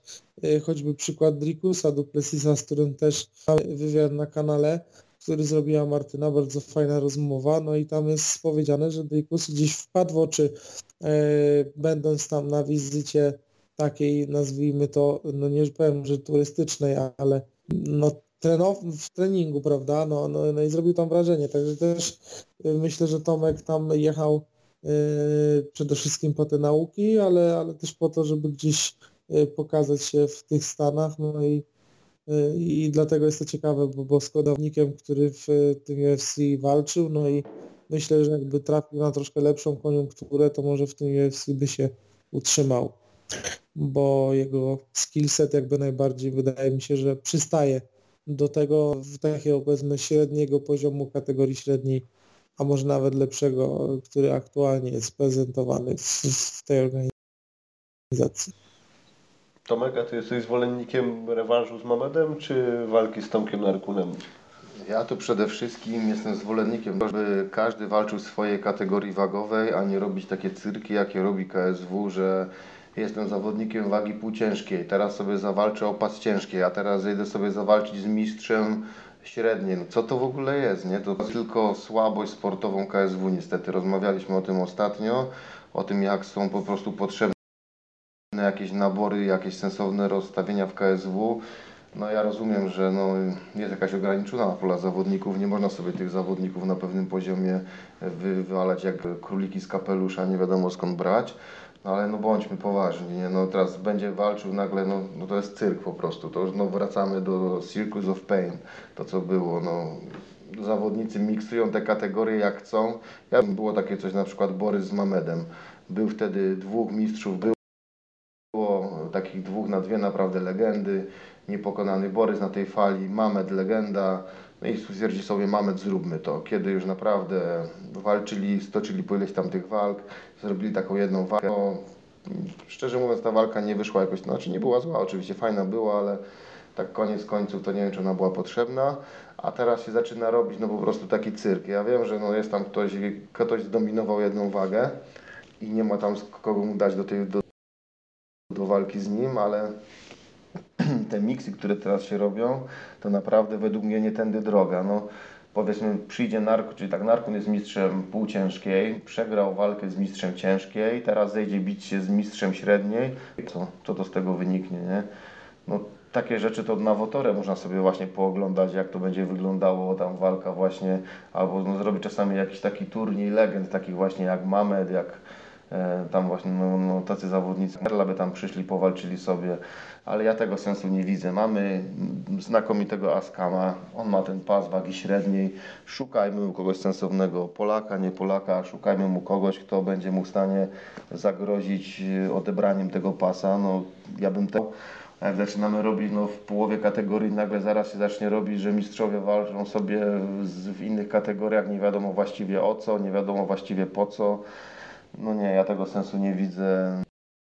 No, to jest naprawdę, pokazuje jaki jest, jeżeli chodzi o tą stronę sportową w KSW, obawiam się i dlatego ja czekam na takich zawodników, że teraz wylatuje ktoś z UFC, znaczy wylatuje, no nie wylatuje, że był słaby, tylko z innych przyczyn właśnie jakichś wizowych wychodzi z UFC, KSW powinno walczyć kogoś takiego, żeby on wszedł do, do nich i żeby zasilił te szeregi. Zakontraktowali Darko Stosica, Stosica, Stosica, czy jakoś tak? Przekręciłem może nazwisko po trzech porażkach z rzędu z UFC. Ale to, to gadaliśmy o tym ostatnio. To są właśnie demony KSW. Biorą jakieś odpady, ale właśnie, bo z całym szacunkiem dla tych zawodników, no przegrać w UFC to nie jest wstyd, ale to jest różnica, czy my wychodzimy z UFC dlatego, że przegraliśmy z rzędu i UFC nas po prostu nie chce, bo jesteśmy za słabi na tą ligę, czy my wypadamy dlatego, bo no po prostu moglibyśmy walczyć w topie, ale z jakieś problemy wizowe albo inne jakieś polityczne, społeczne zawirowania sprawiły, że nie będziemy jeździć, nie będziemy tam walczyli, więc żegnamy się z federacją. Mamy tutaj na wschodzie, mamy mega mocnych zawodników, no wiadomo, są konkurencyjne te wszystkie e, gale typu ACA, które będą walczyły o tych zawodników, no ale KSW to już jest taka liga, że podejmować walkę o takich zawodników, no będą potrzebowali jakiegoś pudziana, który im to nakręci od strony takiej e, marketingowej marketingowej, żeby tutaj sprzedać to wśród takich y, Januszy i Grażyn, wiadomo. No ale no, jeżeli KSW chce być taką liczącą się nacją w świecie, no to musi podnosić ten poziom sportowy i nie zrobią tego miksując sobie, no to ja dzisiaj zawalczę, jestem mistrzem wagi średniej, to teraz zawalczę z ciężkim, potem z półciężkim, a potem to może zawalczę z piórkowym i z y, jednocześnie. No, to no, Kornik miał kiedyś takie zapewnienie, no, tak, żeby tak, z. Pudzianem. No, no, no, no. Y, Paula a ty jak rozmawiałeś ze Scottem, z kim on najbardziej chciałby się zmierzyć?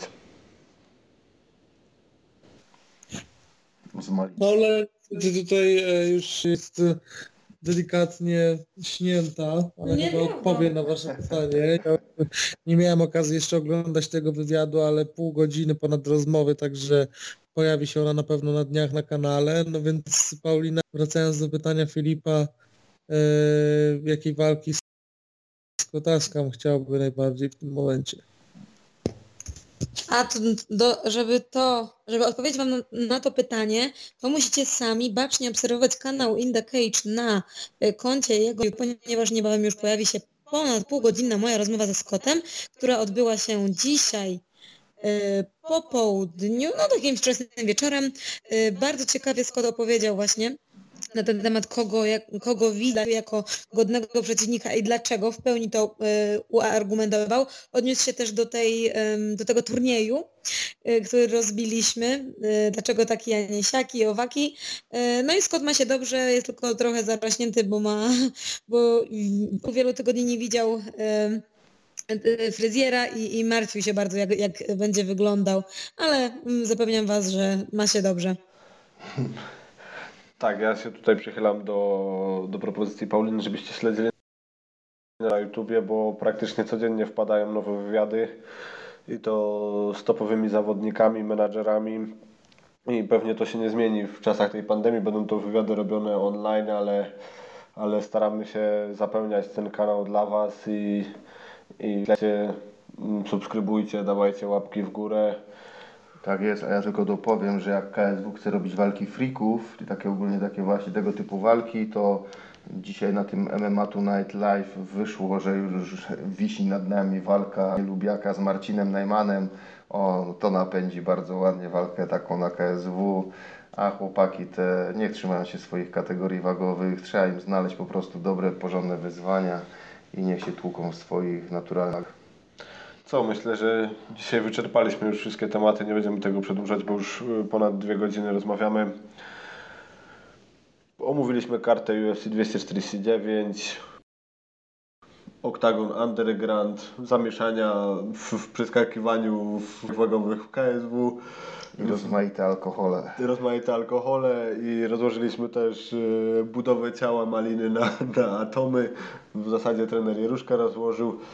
Dziękujemy, że dotrwaliście do końca testu. Śledźcie, śledźcie nasze poczynania, bo, bo staramy się Wam na bieżąco dostarczać nasz, pod, nasz podcast, a dzisiaj MMA Śląskim okiem w składzie Paulina Klimek. Znowu się całują. Znowu się całują. Witam i żegnam. Nikt się nie całuje. Halo, halo. Ale ja muszę powiedzieć, bo to e, ja i Filip jesteśmy na Kostuchnie, z tajnej bazy na Kostuchnie nadajemy, bo mieszkamy niedaleko siebie, natomiast Paula i Jacek, oni razem w tajnej bazie na Panewnikach, 10 km od nas i oni są parą, tak samo jak e, Mariusz i Malina. Martyna. Oczywiście Mariusz i Martyna, to takie freudowskie przejęzyczenie. Em, No i jak tracimy czasami zasięg, nie słychać ich, to oni się. W sensie nie Mariusz i Malina, tylko Jacek i e, Paula. Pewnie tak jest. Martyna to mnie zabije. Dobra, lecimy dalej. Jacek, pan?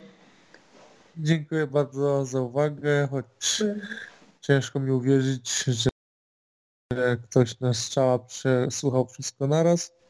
A dziękuję bardzo Wam za wspólny wieczór i do następnego odcinka mojej kompadry. Tomasz Jeruszka. Ale pocisnąłem tym z MMA Tonight, dobry jestem, nie? E, Dzięki wszystkim za słuchanie nas, dziękuję bardzo wszystkim za komentarze, konstruktywną krytykę na YouTubie. Mam nadzieję, że już z głosem będzie lepiej, cały czas się staramy. Do siedmiu razy sztuka, to jest nasze szósty występ, już do siódmego powinno być wszystko idealnie. E, Także dzięki wszystkim, trzymajcie się zdrowo w tych złych czasach, trzymajcie się cieplutko i do usłyszenia. Trzymajcie się, do widzenia.